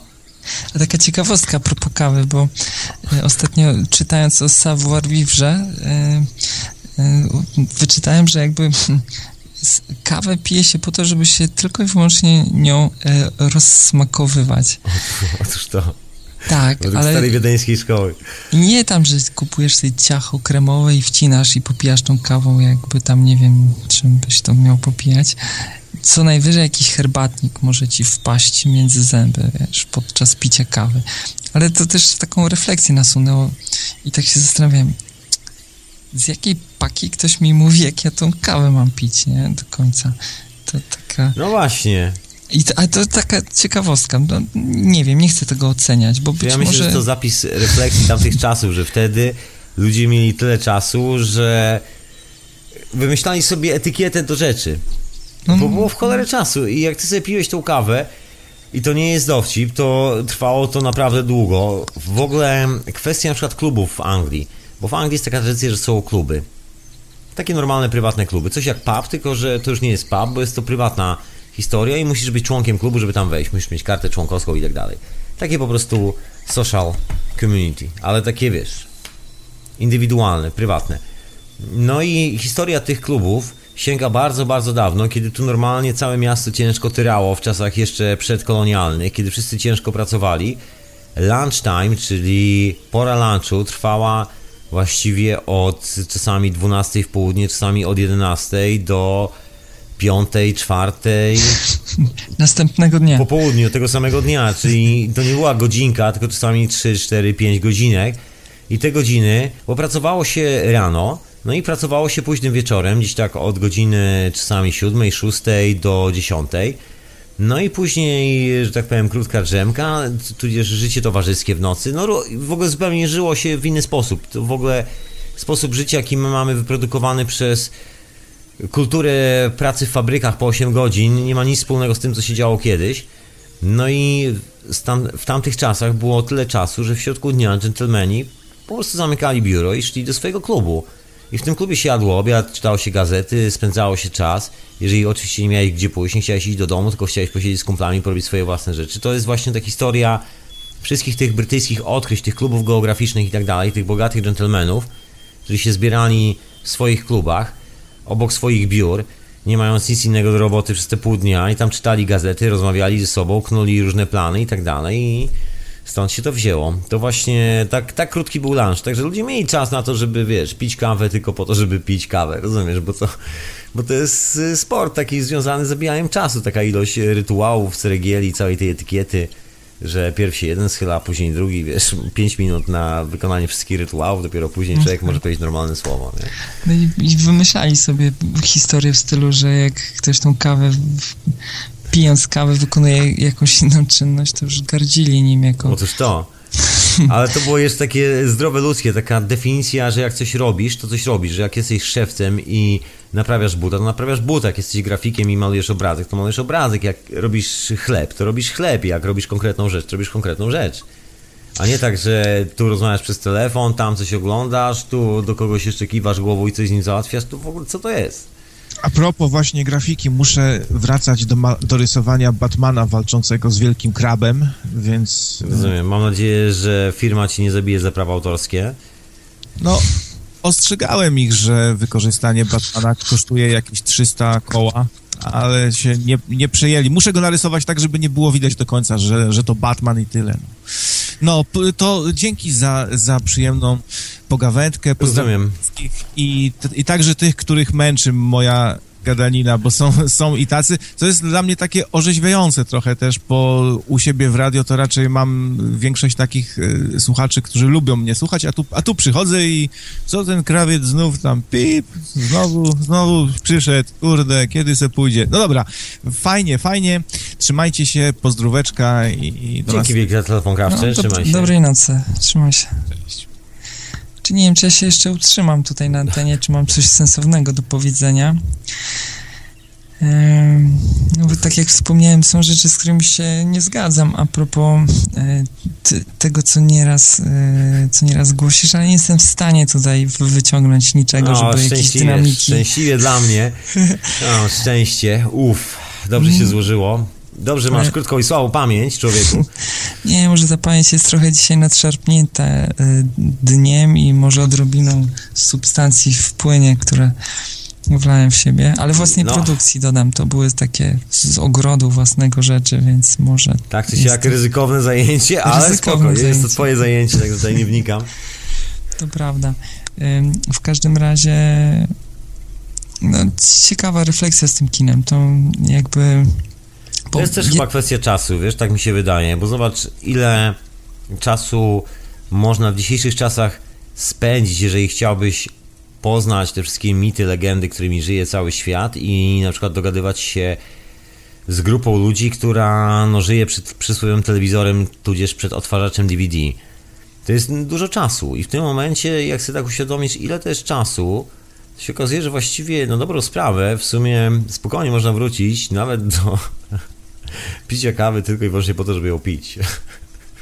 No coś w tym jest. Ale bo, bo z tym kinem w ogóle i z tymi serialami, o których też Krawiec tak wspomniał, mam wrażenie, że w jego życiu serial jednak, seriale mm, no, istotną rolę pełnią. Bo ile kiedyś e, w społecznościach e, ludzie po prostu mieli wspólne sprawy, o których mogli rozmawiać, to w momencie, kiedy żyjemy w takich e, strukturach jak dzisiaj, że są to miasta, blokowiska, to mm, chyba jesteśmy okrojeni z istotnych rzeczy w życiu, więc żeby móc funkcjonować w społeczności, musimy mieć jakiś zasób informacji wspólny. Czyli tak jak w ramach wsi pewne rzeczy po prostu wspólnie się robiło i one funkcjonowały w umysłach wszystkich, to w bloku nagle jest taka totalna atomizacja tam. Mało kto wie, co się z kim dzieje i... No wiesz, mało przestrzeni ludzie mają i czują się jakby ktoś im ciągle stał nad, nad plecami. No A nad właśnie. głową to, to jest właśnie wynik braku przestrzeni dookoła.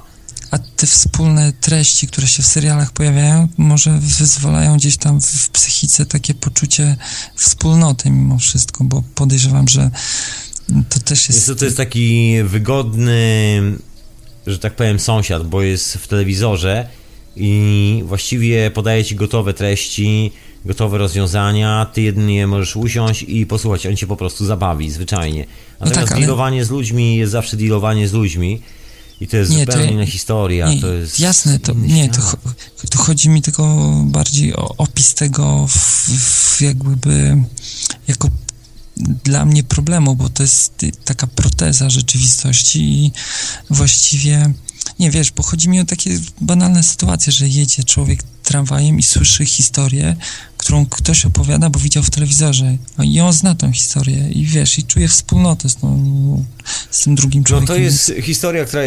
Historia, tak, tak. To, to jest zestaw historii, który tutaj tworzy potężną część życia towarzyskiego w mieście o nazwie Londyn i jeżeli nie oglądasz ostatnio modnych seriali telewi- w telewizji, No właśnie, na właśnie. DVD, to jest, jesteś troszkę out of data i czasami nie łapiesz wielu opowieści, o których jest mowa, bo to się ciągle powołuje na jakieś dowcipy, skądś jakieś ciągłe aluzje. Grany kontekst wielu sytuacji jest zakorzeniony właśnie w owej rozrywce i jest taki numer, że jak to wyciągniesz stamtąd i powiesz człowieku, ale ja, wiesz, nie oglądam telewizji. Nagle okazuje się, że ten człowiek się nie ma zbyt wiele do powiedzenia, bo okazuje się, że wszystkie te zabawne dykteryjki z filmów właściwie służą tylko i wyłącznie podbijaniu atmosfery. Nie ma w tym żadnej opowieści. Kiedy to wyjmiesz to z opowieści, nagle jest dramatyczny moment poszukiwania sensu, logiki i właściwie kontentu jakiegokolwiek. O czym właściwie rozmawiamy? Jest taki moment i jak się, ale szczęśliwie jest tak, że jak się kontent pojawia, to nagle jest takie zdziwienie, wow, że wiesz, nie ma rozmowy o filmie, nie ma rozmowy o kulturze, o takich, wiesz, masówkach i nagle jest miło i nagle wszy- wszyscy czują się u siebie. Też nie ma z tym problemu. To też jest fenomen, że co najwyżej można się tego bać do momentu, dopóki tego nie zrobisz. A jak zaczynasz to robić, to nagle się okazuje, że właściwie wszyscy są u siebie w domu i, i no, nikt nie czuje się osamotniony, że nagle zniknęła opowieść o jego ulubionym filmie, serialu, bohaterze i nikt nie powołał się na ostatni odcinek.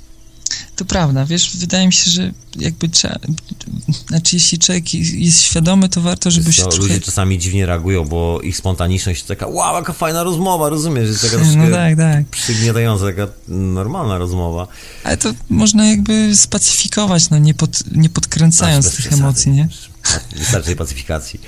Rozumiem, trochę warto y, poupajać się sytuacją, ale mm, no, ale tak jest jak mówisz, no. Warto się zabawić, znaczy zabawić, to brzmi może trochę już tutaj Wbrew pozorom, wiesz co, wydaje mi się, że całe to takiego psieczenie... MC. Chodzi mi o takiego, wiesz, kolesia, który widzi, bo, bo każdy z nas ma jednak potencjał do tego, o czym mówisz, żeby podjąć normalną Absolutnie rozmowę o każdy. normalnych rzeczach, no. Ale on jest tłumiony przez to, że jednak tą świadomość, przynajmniej takie wbijanie nam do głów tego, że będziesz fajniejszy, jak zabłyśniesz czymś, nie? Bo trzeba jakimś newsem zabłysnąć. No właśnie, ale w, w czasach, kiedy wszyscy błyskają newsami, nie ma żadnego newsa świeżego. Najbardziej świeższym newsem jest człowiek, który nie opowiada żadnych newsów. No, coś Tak, tak siak jesteś skazany na sukces w dzisiejszych czasach pod tym względem. Ja myślę, że to jest właśnie zdrowe podejście. Wszyscy już chyba powoli zdążyli się przejeść, a jeżeli jeszcze nie, to właśnie ostatnie kęsy jeszcze ładują do ust dosłownie tych, tak powiem, rzeczy związanych z newsami tego świata i co dosłownie ostatnie kęsy już powoli czuć, że jest przesyt. Słuchaj, tu się trochę zbliżyliśmy do takiego i- schematu człowieka, który mało się odzywa w towarzystwie i przez to, że mało się odzywa, uchodzi za mądrego. Co oczywiście jest ryzykownym stwierdzeniem, bo, ryzykowne. bo być może ta osoba po prostu nawet nie jest w stanie się porządnie wysłowić. Ale ta pozycja, wiesz, o ile to, towarzyszy temu jeszcze jakiś taki zewnętrzny wygląd sprzyjający, to Wiesz co, można... kojarzysz powiedzonko że coś tam dobra refleksja jest srebrem, a milczenie jest złotem. Tak, tak. No to teraz z- złapmy, jaką wartość ma złoto? Żadną. Można je produkować przemysłowo, na skalę przemysłową w dzisiejszych czasach nie ma z tym problemu. To jest Znaczy, metal, powiem- który nie ma żadnej specjalnej wartości. Czy, wiesz co, no, Także może wreszcie, może spójrzmy prawdzie w oczy i zrozummy, że skoro mamy paszczę, to warto komunikować, tak na outside można powiedzieć, zrobić taką alternatywę, bo to jest chyba jedyne rozwiązanie, kiedy każdy z nas odważnie wstanie i powie, stary, ale ja mam tu swoją własną refleksję, niezależnie czy się zgadzasz czy nie, oczywiście. I moja refleksja brzmi tak. I, yo, ale z tym odzywaniem się, bo, bo to ma dla mnie podstawowy taki pragmatyczny walor, no bo, mm, bo to tak nie do końca jest, y, słuchałem jakby z pełną uwagą wcześniejszego, wcześniej rozmo, wcześniejszej rozmowy, przepraszam, z krawcem, ale tam coś mm, rozmawialiście o takich podstawowych relacjach z sąsiadami, z otoczeniem, że tam dzień dobry, nie dzień dobry i tak dalej. I, I do czego zmierzam? Odnośnie pragmatyki, bo taką no, logiczną rzeczą jest to, że jeśli idziesz w miasto i chcesz załatwić jakąkolwiek rzecz, no to pozytywne nastawienie zwiększa szanse na to, że, że ci się po prostu uda. tak jakby. Nie chodzi mi o takie jakby li- przeliczanie tego na, na, na Bez zysk. strategii, takie bez kalkulacji, Dokładnie, po prostu, po prostu. Z, z radością troszeczkę, z życiem, z chlebem. Bo, bo, bo, bo mógłby ktoś zarzucić, że o, tutaj interesowny człowiek wyszedł i uśmiecha się i będę na przekór temu Ja myślę, że pomysłowi. interes, że ten cały kompleks z interesem bierze się stąd, że czasami z powodu strachu ten człowiek chciałby nawet załatwić sprawę w ten sposób, ale nie potrafi i ma taki kompleks, że inny idzie i potrafi się odezwać i jest zawsze a, już sobie załatwię, już sobie, już sobie, Jeżka, Jeżka mi nie, Jeżka mi nie. Ale jest coś takiego, Man, że też Co ty masz w sobie, człowieku? Co ty masz w sobie, że takie rzeczy w głowie siedzą? Ale jest też coś takiego, że no niestety w dzisiejszym świecie tresuje się ludzi, żeby podstępem, takim prawdziwym podstępem po prostu, nie, że chcą po prostu, że chcą być otwarci, tylko tresuje się ich na różne triki i, i żeby Ale ten nikt z nas nie musi tego robić. Ta, ta, ta. No tak, ja się przynajmniej poczuwam do być jakimś takim, kto robi to z czystej przyjemności. Jak mam gorszy dzień, to po prostu nie pojawiam, staram się uniki robić i jakby nie wikłać nikogo w tą historię. Taka, Zdrowe taka- podejście. Jest, jest to takie zachowanie higieny psychicznej No, ze światem. No wiem o co ci chodzi. Też uważa- uważam to za takie zdrowe podejście, żeby zanim zrzucę jakąkolwiek sprawę na świat, to zastanowić się, czy przypadkiem ta sprawa w ogóle przetrwa do jutra. No, dokładnie. Bo może być tak, że ta sprawa naprawdę nie jest warta nawet 15 minut mojego życia. Często tak jest, często. Tak jeszcze a, Drama. a, propos, a propos siebie, y, bo nieraz gadamy na czacie, Tomaszu, i jestem adwokatem, nie wiem, czy pamiętasz postać adwokata. Po, ko, poja, kojarzę. I raczej jestem Mr. Hyde w kontekście, podejrzewam, tej rozmowy naszej w tej chwili. Ym, Na, jako adwokat, to ta. Wi- Widzisz, jakie wrażenie, jakie spustoszenie robią mity popularnej kultury w relacjach międzyludzkich. Zobacz, widzisz, jakie spustoszenie. Uff, Niby stara historia. Książka napisana gdzieś tu w Londynie o szalonym naukowcu. A nikt nie No. jest tym szalonym naukowcem z nas i nikt nie musi być.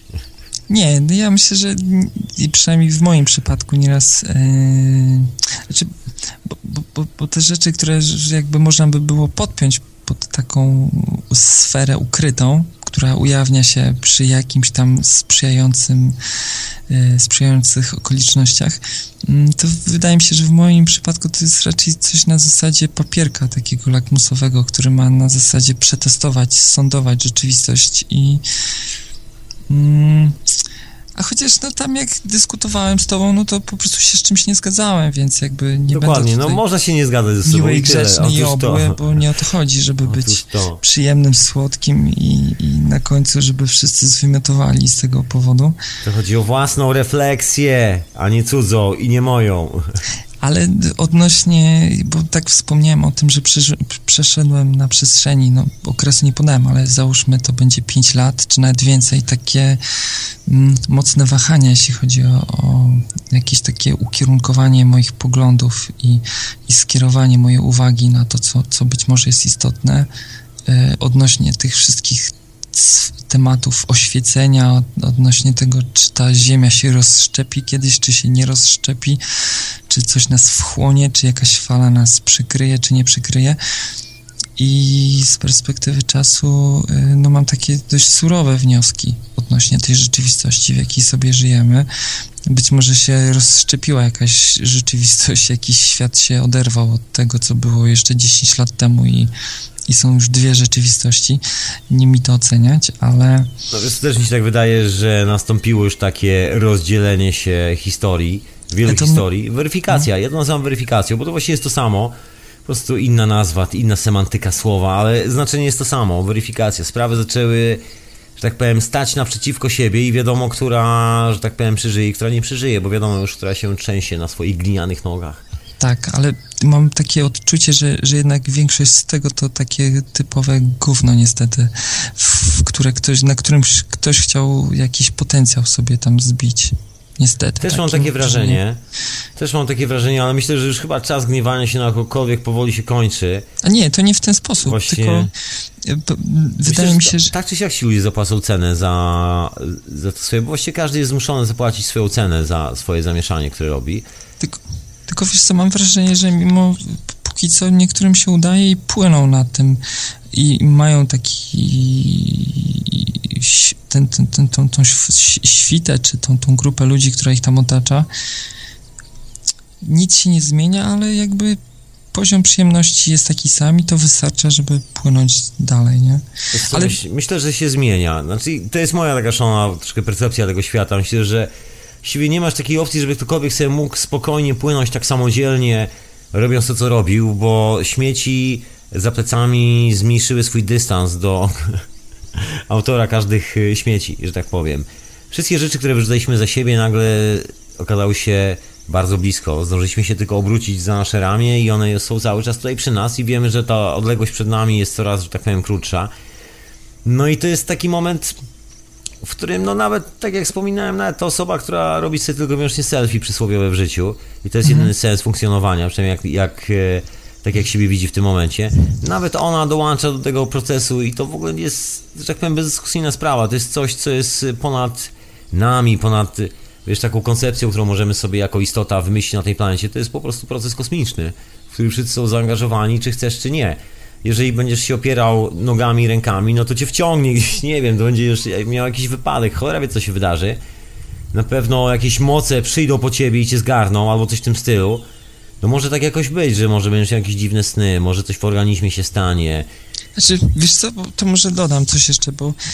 Yy, bo gdyby może, bo ja jakby miałem jakieś takie sygnały i jakieś takie zdarzenia, które jakby zupełnie nie pozbawiły mnie tej, tej wiary, czy jakby w, w, w tą w tą dodaną rzeczywistość, czyli w tą taką magiczną sferę życia człowieka o której ty nieraz wspominasz i o której wiele innych osób wspomina, tylko że te procesy się nie wydarzą same i ich skala, mam wrażenie, nie będzie e, na tyle duża. To są, to są cały czas jakby subtelne mechanizmy, które się pojawią w naszym życiu tylko i wyłącznie na nasze życzenie i to będzie takie życzenie, które my jeszcze opatrzymy jakąś taką, e, że tak powiem, taką pracą, ale to będzie taka precyzyjna praca z naszej strony. To nie, Co, nie wiem, czy mamy tyle, tyle czasu, czy mama natura da nam tyle czasu, bo wszystko wskazuje na to, tak jak wspominałem, nie wiem, czy słuchałeś ostatnich, poprzednich odcinków,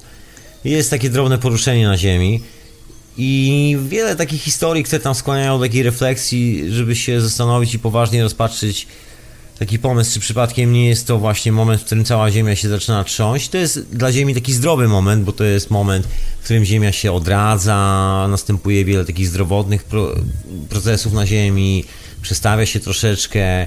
No generalnie taki radosny wiosenny dreszczyk można powiedzieć dla planety całej. Tylko, że dla planety jest to dreszczyk, dla nas są to potężne trzęsienia Ziemi, które się wydarzą w wielu miejscach, no i to jest trochę inna historia i wiadomo, że taki pomysł należy poważnie brać na ruszta, bo po prostu dokładnie wszystkie te dane są pokazywane na tych wszystkich wykresach z satelitów i tak dalej. Widzimy, że to się dzieje aktualnie, to nie jest wcale dowcip.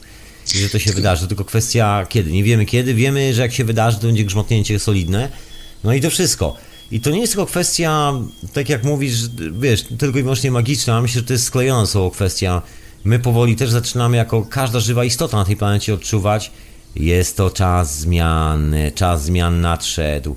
I to jest, nieś- to, jest takie, wiesz, no nieświadome bym powiedział, tak jak zwierzaki, które ci nie napiszą specjalnie kartki z pozdrowieniami, że znikam na parę dni, bo czuję, że nadchodzi trzęsienie ziemi. Rozumiesz? Twój pies nie zostawi takiej kartki na, na schodach, tylko, tylko będzie się dziwnie zachowywał. I to nie tylko pies, bo my też mamy te same opcje, żeby się, że tak powiem, dziwnie zachowywać, żeby czuć te wszystkie moce, czuć, że sprawy się zmieniają, bo też jesteśmy taką samą organiczną istotą. I o ile przez ostatnie, nie wiem, 100 lat sobie wymyśliliśmy, że jesteśmy jakąś mechaniczną sprawą i że to jest wszystko taki kosmos, że to jest magia, wiesz, co, to jakieś tam magiczne sztuczki. To po tych 100 latach okazało się z powrotem, że siedme to nie są magiczne sztuczki, tak właściwie funkcjonuje nasz organizm i wygląda na to, że to jest jedyny kierunek, w którym to wszystko zmierza. Także nie wiem, czy jest powód do martwienia się od tej strony. Znaczy, wiesz co, nie, bardziej mi chodzi o to, że przez ostatnich tam parę lat mam wrażenie, że y, znieczulono tą część y, ludzkości, która do tej pory była wrażliwa na te wszystkie informacje o Myślę, zmianach. że bo- każdego z nas, myślę, że każdy z nas był znieczulony jeszcze parę lat temu do pewnego stopnia. A wiesz, bo, znaczy chodzi mi o to znieczulenie, że jakby te rzeczy, o których mówisz, już y, przepowiedziano i zapowiedziano wcześniej, że mają nastąpić i one nie nastąpiły, więc jakby naturalnym jest to, że człowiek już mm, oswoił się, już w pewnym sensie w, jakimś stopniu przeżył te rzeczy i nic się nie wydarzyło takiego tak naprawdę, bo przynajmniej ja nie wiem. Nie, nie wiem o niczym takim, co by, co by miało mieć w, jakiś taki realny wpływ na, na populację e, ludzką. Więc jakby kolejne zapowiedzi już nie będą brane tak na poważnie jak do tej pory. A to taka ponoć największa zapowiedź, ponoć ci ludzie budowali piramidy i wszystkie te rzeczy, żeby właśnie zostawić ci im informacje o tym, że co jakiś czas nadchodzi taki flip energetyczny, mama ziemia, że tak powiem, robi sobie takie wiosenne porządki i że trzeba o tym pamiętać. Znaczy, wiesz co, A dopuszczam tu się okazało, że siedme, zapomnieliśmy, bo z nikomu się nie chciało pamiętać.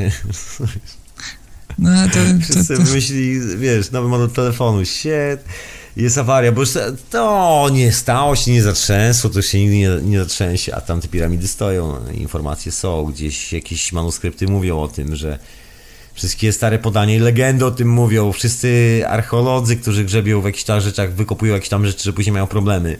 Tylko widzisz, Tomaszu, bo część z tych informacji e, jest, że tak powiem, e, przedstawiana nam przez e, znane fundacje Rockefeller chyba, z tego co pamiętam, Dokładnie, między tak, to innymi. prawda, to prawda. Więc widzisz, on w ramach... e, Bo, swojej wizji świata, która nie uwzględnia tej historii. Znaczy nie, ale poczekaj, bo on właśnie, jego fundacje, z tego co pamiętam, też głosiły pewne takie new age'owe, takie uduchowione tematyki, znaczy tematy... y, No próbują być na czasie, ja myślę, że Prób- ale nie, to nie chodzi o to, że- próbują, wiesz. Nie, mi się wydaje, że raczej próbują za, zamęcić to wszystko, za, zamieszać, To wiesz, też, żebyśmy... to też. I dla mnie po prostu ta skala dezinformacji jest tak duża, że chyba odpuszczam sobie w tym momencie, wiesz, te jakby brnięcie, bo do tej pory, o właśnie to, o czym mówiłem wcześniej, że, że, że przeszedłem jakąś tam skalę tych doznań wewnętrznych, umysłowych i duchowych i myślę sobie, że koniec już, basta. Pieprzcie się, z tak, tymi, tak. Pieprzcie myślę, się z tymi wszystkimi teoriami o tych arkach i ucieczkach i, i sposobach na przetrwanie, bo, bo myślę, że to jest Ja myślę, jakiś... Dani, że jesteś najbardziej przygotowanym na jakąkolwiek rewolucję człowiekiem aktualnie na świecie. Właśnie Ale z tego co? powodu. Ale bo ja już kiedyś to opowiadałem tutaj gdzieś na antenie, na którejś z anten, bo trochę się narobiło tych anten ostatnimi czasy. W każdym razie może bym nie był taki, no nie wiem, czy tu jestem pewien, w stosu- znaczy pewny do tego, co mówię, bo jakby nie mam żadnej prawdy, ani, ani jakiegoś pomysłu, który mógłbym tu przedstawić i powiedzieć, słuchajcie, Ale nie masz sobie strachu. ale, no, ale bo to Aj, wynika z czegoś, bo miałem, bo miałem jakiś tam pakiet doświadczeń, który uświadomił mi, że, mm, że to jest coś więcej tak naprawdę, że temat faktycznie jest poważny i że on wystaje mocno pona, poza naszą rzeczywistość.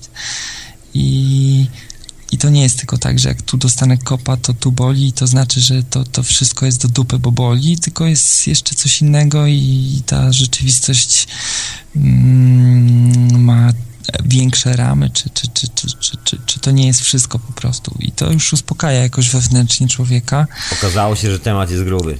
Jest gruby temat, no.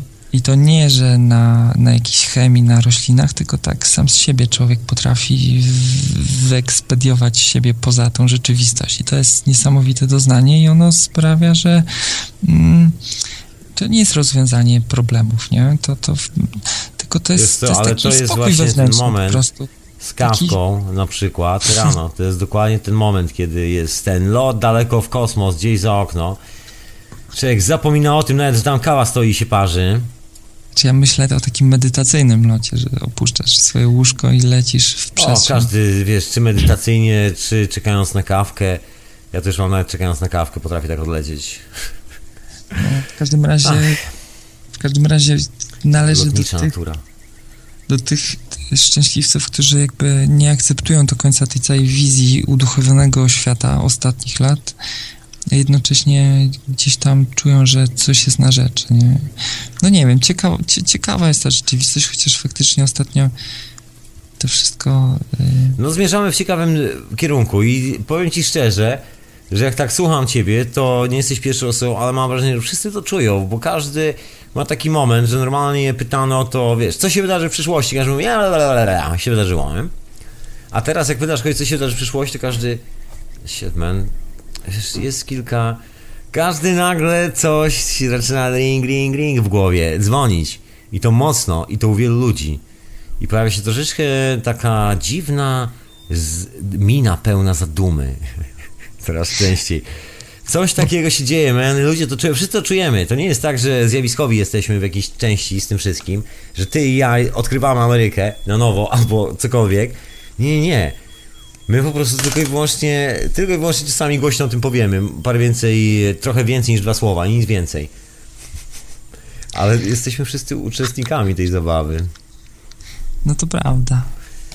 Tak właśnie, proszę pana. To ja zostawiam pana. Tak, a ja zostawiam pana.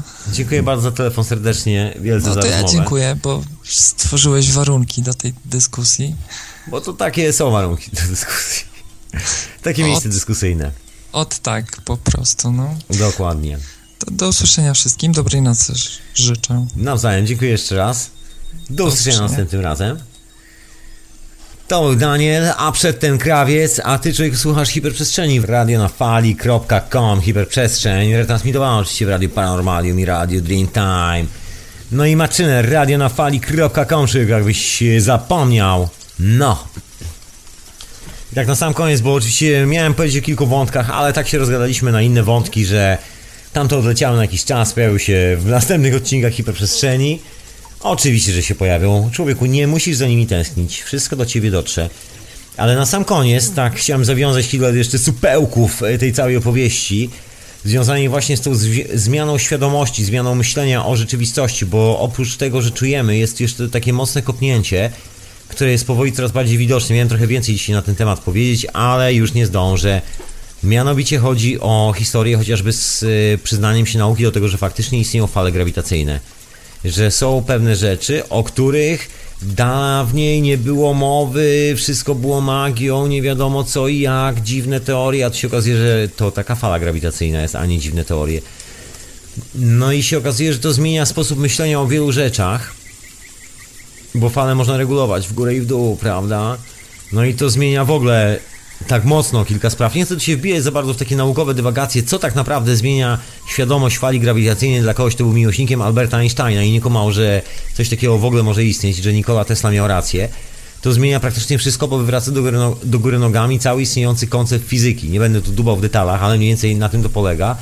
I widać takie drobne rewolucje nawet w świecie naukowym.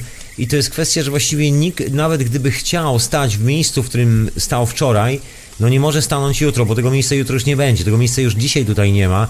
Więc opieranie na nim swojej przyszłości też jest słabym numerem, jak się okazuje. I to się dzieje już w takich koncepcjach czysto naukowych, że tam panowie w białych kitlach, fiolkami. No ja też mam fiolki, ale nie mam białego kitla. Muszę sobie zorganizować jakiś biały kitel, kurczę.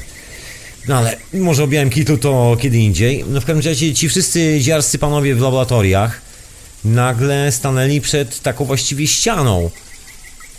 Właściwie no można powiedzieć nie tyle ścianą, ile przed drzwiami do nowego wymiaru, dokładnie. wszystko to, co wierzyli, właśnie zamieniło się w ścianę, a w ścianie pojawiły się drzwi, które prowadzą do zupełnie innego wymiaru, w którym y, ich prawa fizyki zupełnie nie działają, w którym właściwie są takimi samymi pionierami jak ty, ja, ktokolwiek żyjący aktualnie na świecie. Właściwie jest to tak nowa rzeczywistość. No może poza oczywiście Fundacją Kesze, bo ci to akurat są do przodu z tym wszystkim. Ci akurat korzystają już z tego dosyć mocno, ja właściwie też, bo właściwie też wykonuję te sztuczki z tymi urządzeniami. No ale mniejsza o te urządzenia i o Fundację Kesze. Chodzi o taką normalną, po, pozostałą mainstreamową naukę, która w tym momencie, czy chce, czy nie, właściwie jest zmuszona do tego, żeby zaakceptować tą ową kosmiczną rzeczywistość, z którą się ciągle kłócili od ostatnich 100 lat, udając, że jej nie ma. Skazując na niebyt ludzi takich jak Nikola Tesla i Wilhelm Reich oraz King Royal i kilku pozostałych. Teraz okazuje się, że ta weryfikacja jest już tak dramatycznie szybka, jest tak mocna, że nikt nie jest w stanie tego zatrzymać. I to jest właściwie taki pościg troszeczkę tych centrów badawczych, tych laboratoriów, żeby nie zostać w tyle, bo wszyscy już wiedzą, że metoda jest już znana w każdym laboratorium, które się tym zajmuje, że to nie jest tajemnicza teoria i każdy teraz wyważa drzwi do lasu, że to jest taka sprawa, że jak ktoś na to wpadł, to już ma całe drzwi do lasu otworzone, to już nie ma drzwi do lasu, to już po prostu wchodzi jak do siebie, jak do stodoły. A tam jest wszystko, wszystko czegokolwiek potrzebuje i teraz jest tylko taki wyścig o może palmę pierwszeństwa w zastosowaniach, o tym jak blisko można tego użyć gdzieś do czegoś tam, jakoś tak, jeszcze zabłysnąć na tym ostatnim półmetku, w ostatnim momencie, kiedy jeszcze, jeszcze coś od tego zależy, bo za chwilę wszyscy będą to wiedzieli i przestanie być to takie zjawiskowe pod jakimkolwiek kątem i właściwie zacznie liczyć się bardzo mocno praktyka, ta praktyka jest dala od uniwersyteckiej rzeczywistości i ta cała nowa technologia, wszystko, cała nowa logika, nowa świadomość, która jest z tym związana, jest zupełnie innego świata. I to jest taka mocna weryfikacja, bo często nasza, tak mi się wydaje, taka logika dnia codziennego, że wiesz, stajesz, idziesz do pracy, cokolwiek robisz, jest oparta też na takim schemacie, że w szkole powiedzieli mi, że jest tak, siak i srak i ja generalnie w to uwierzyłem. Takie są zasady fizyki, zasady matematyki i ja na dodatek jeszcze wstaję rano do biura albo coś w tym stylu, albo takiej innej roboty cokolwiek. I to jest coś, co wszyscy uwierzyliśmy, zaakceptowaliśmy, to jest częścią jakby całego tego schematu na rzeczywistość. Te badania naukowe potwierdzają istnienie tego systemu, tak jest prawda.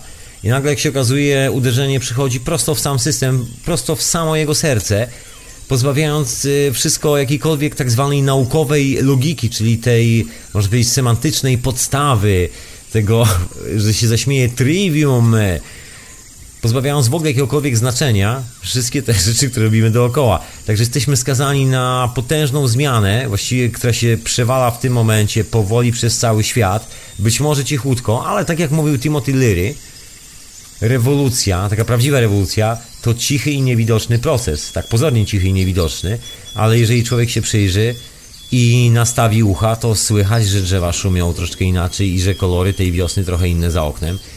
Może to jest to, ja myślę, że to jest to. To jest moja opinia na ten temat. Ja jestem troszkę taki do przodu z tym y, tematem, że tak powiem, wybiegam. Nie, czy mam nie wiem, czy mam rację, mogę się absolutnie ze wszystkim mylić, mogę tak przestrzeliwywać, ale moim zdaniem właśnie ta rewolucja się aktualnie odbywa i zaczyna mocno przyspieszać. I to jest właśnie taka płaszczyzna weryfikacji, która teraz się pojawia. Kolejna, to jest właśnie ten świat naukowy. Za chwilę to wszystko dotrze do naszych głów i się okaże, że to, co nam mówiła logika o tym, że na przykład te stany wizyjne, jako że nie są potwierdzalne w eksperymentalny sposób, taki naukowy, że wiadomo, że siłą umysłu nie przesuniesz młotka, albo coś w tym stylu, jak w filmie science fiction oczywiście, przynajmniej na razie. I to jest fakt, że te siły nie istnieją, albo coś takiego. Po prostu nie, nie było możliwości potwierdzenia istnienia tych wszystkich, jak dawniej mawiano, eterycznych mocy za pomocą współczesnej nauki. Nagle cała ta nauka jest, e, że tak powiem, w dupie, znika. Ma bardzo poważny problem, musi sama siebie usprawiedliwić i nagle powstają urządzenia, które zaczynają odczuwać i widzieć tą, tą tajemniczą moc, która była tak długo niewidoczna dla nas przez ostatnie 100 lat i udawaliśmy, że jej nie ma.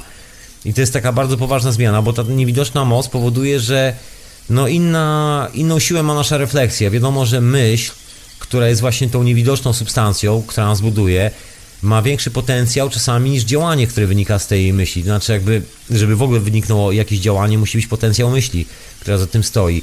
I nagle się okazuje, że cały jakby ciężar naszych decyzji w życiu zaczyna się przesuwać w zupełnie inne miejsce. Z miejsca, gdzie leżał nasz portfel, kluczyki do samochodu, kredyt do spłacenia, cokolwiek tam było, nagle przesuwa się w miejsce, w którym zaczynamy się czuć ze sobą. I zaczynamy się zastanawiać, o czym była ta wizja, którą właśnie mieliśmy przed chwilą po kwasie, albo ten sen, który był tak mocny i potężny. I myślę, że to jest zmiana, którą wszyscy dobrze czujemy i będziemy czuli coraz mocniej aktualnie, bo to jest właśnie ten czas i myślę, że to jest, jest to objaw, to jest taka moja spekulacja, właśnie między innymi zmiany w polu magnetograwitacyjnym Ziemi, które aktualnie się odbywają. To jest właśnie to działanie tych iskierek, bo większa propagacja pola, czyli jakby wszystko przyspiesza, bieguny się przemieściły i tak dalej, i tak dalej. Jest kilka historii, które się wydarzyły dookoła. No i skoro ta energia przyspieszyła troszeczkę, to wiadomo, że przepływając przez nas, przez ten nasz magnetyzm w naszym umyśle, w naszym mózgu, wiadomo, że mamy tych wyładowań plazmowych o wiele więcej niż wcześniej. Czy chcemy, czy nie, czy nam się podoba, czy nie, czy akceptujemy ten stan, czy go nie akceptujemy, po prostu jest z tego więcej. Nikt nie jest w stanie tego do końca zmierzyć, bo oczywiście jesteśmy żywymi istotami i no ciężko zrobić e, skany mózgu, pracy mózgu, chociaż mamy takie skany energii w ludzkim mózgu, tylko nie wiem, czy one pokazują dokładnie tą plazmę, ale tak czy siak pokazują, że coś się dzieje. Tylko, że te skany są na tyle świeże, że zaczęto robić całkiem nie tak dawno temu, więc nie wiadomo, jak wyglądaliśmy 100 lat temu. Zatem nauka tutaj nie przyjdzie z pomocą i nie powie nam, co się aktualnie dzieje, bo też inna sprawa, że te urządzenia nie wiem, czy potrafią mierzyć te moce, o których jest tu mowa. Bo są to moce z troszeczkę innej pary kaloszy, bym powiedział.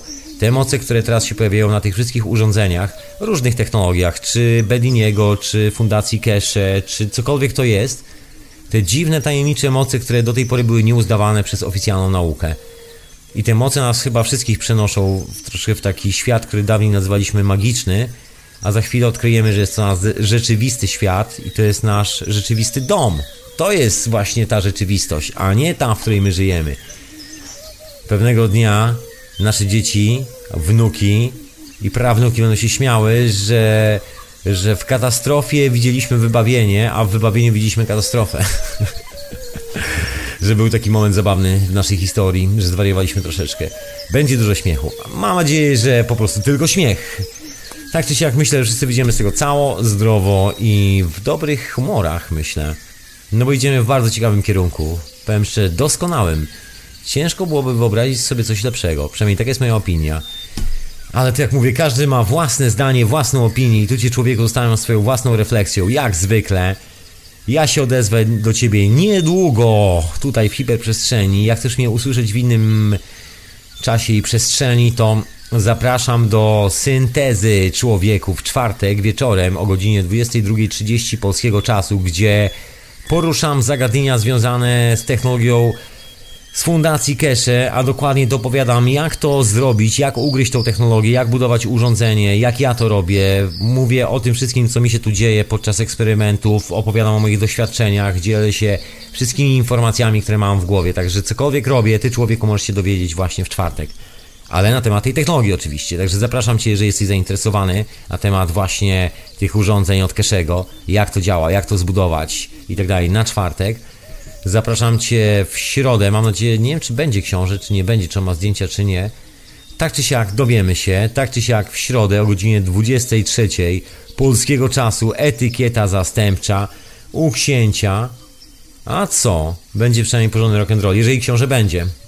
Ja oczywiście zapraszam do siebie, tak jak mówiłem, czwartek, a w piątek Teoria chaosu Michała, a w sobotę znowu ja. Po drodze wreszcie pojawi się jakiś zaległy czas snów archiwum. No i pojawi się troszeczkę hiperprzestrzeni, które tutaj zaległy w archiwum i troszeczkę to trwało. Zatem przepraszam Cię, drogi słuchaczu offline, za to, że się tak wyczekałeś na to wszystko. Jeżeli lubisz słuchać mojego głosu i moich rozważań i gości, którzy tu dzwonią, kurczę, dzięki za cierpliwość, stary, naprawdę dzięki za cierpliwość i dzięki za wyrozumiałość. Peace w człowieku, mam nadzieję, że się miło słuchało. No i ty słuchaczu na żywca, miłego wieczora, bo ja tu znikam, nie będzie dzisiaj wieczorowej pory, znikam do swoich obowiązków, mam tu kilka spraw na głowie, także zostawiam cię samopas, do usłyszenia następnym razem.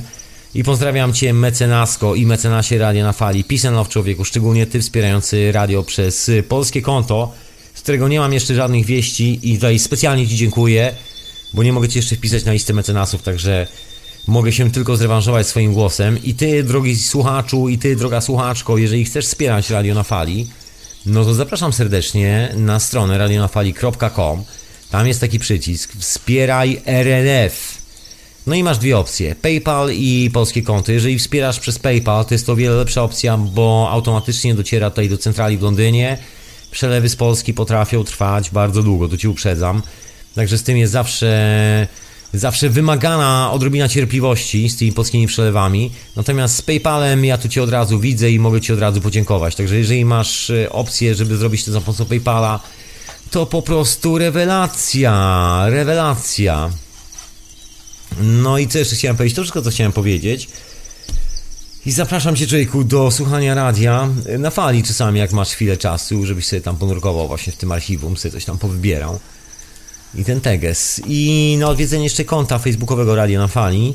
Radio na Fali, tak, ma swoje konto na Facebooku, ma, ma, zapraszam serdecznie. Na Twitterze też ma swoje konto. No i jeszcze są konta związane właśnie z tą historią od Keszego, czyli RNF dla Cache Foundation. Linka znajdziesz przez profil radia na Facebooku, normalnie. No i generalnie to wszystko. Resztę to chyba znajdziesz. I dzięki za maile, człowieku, dzięki za maile. Za parę chwil ci odpiszę, bo tutaj troszkę to trwa odpisywanie na maile, bo jestem troszkę przygruzowany tymi mailami i chwilę trwa odpisywanie, ale za niedługo to ogarnę, także proszę o chwilę cierpliwości i wyrozumiałości. Zatem do usłyszenia następnym razem, człowieku. Peace and love i miłej niedzieli. Słuchałeś radia na fali.com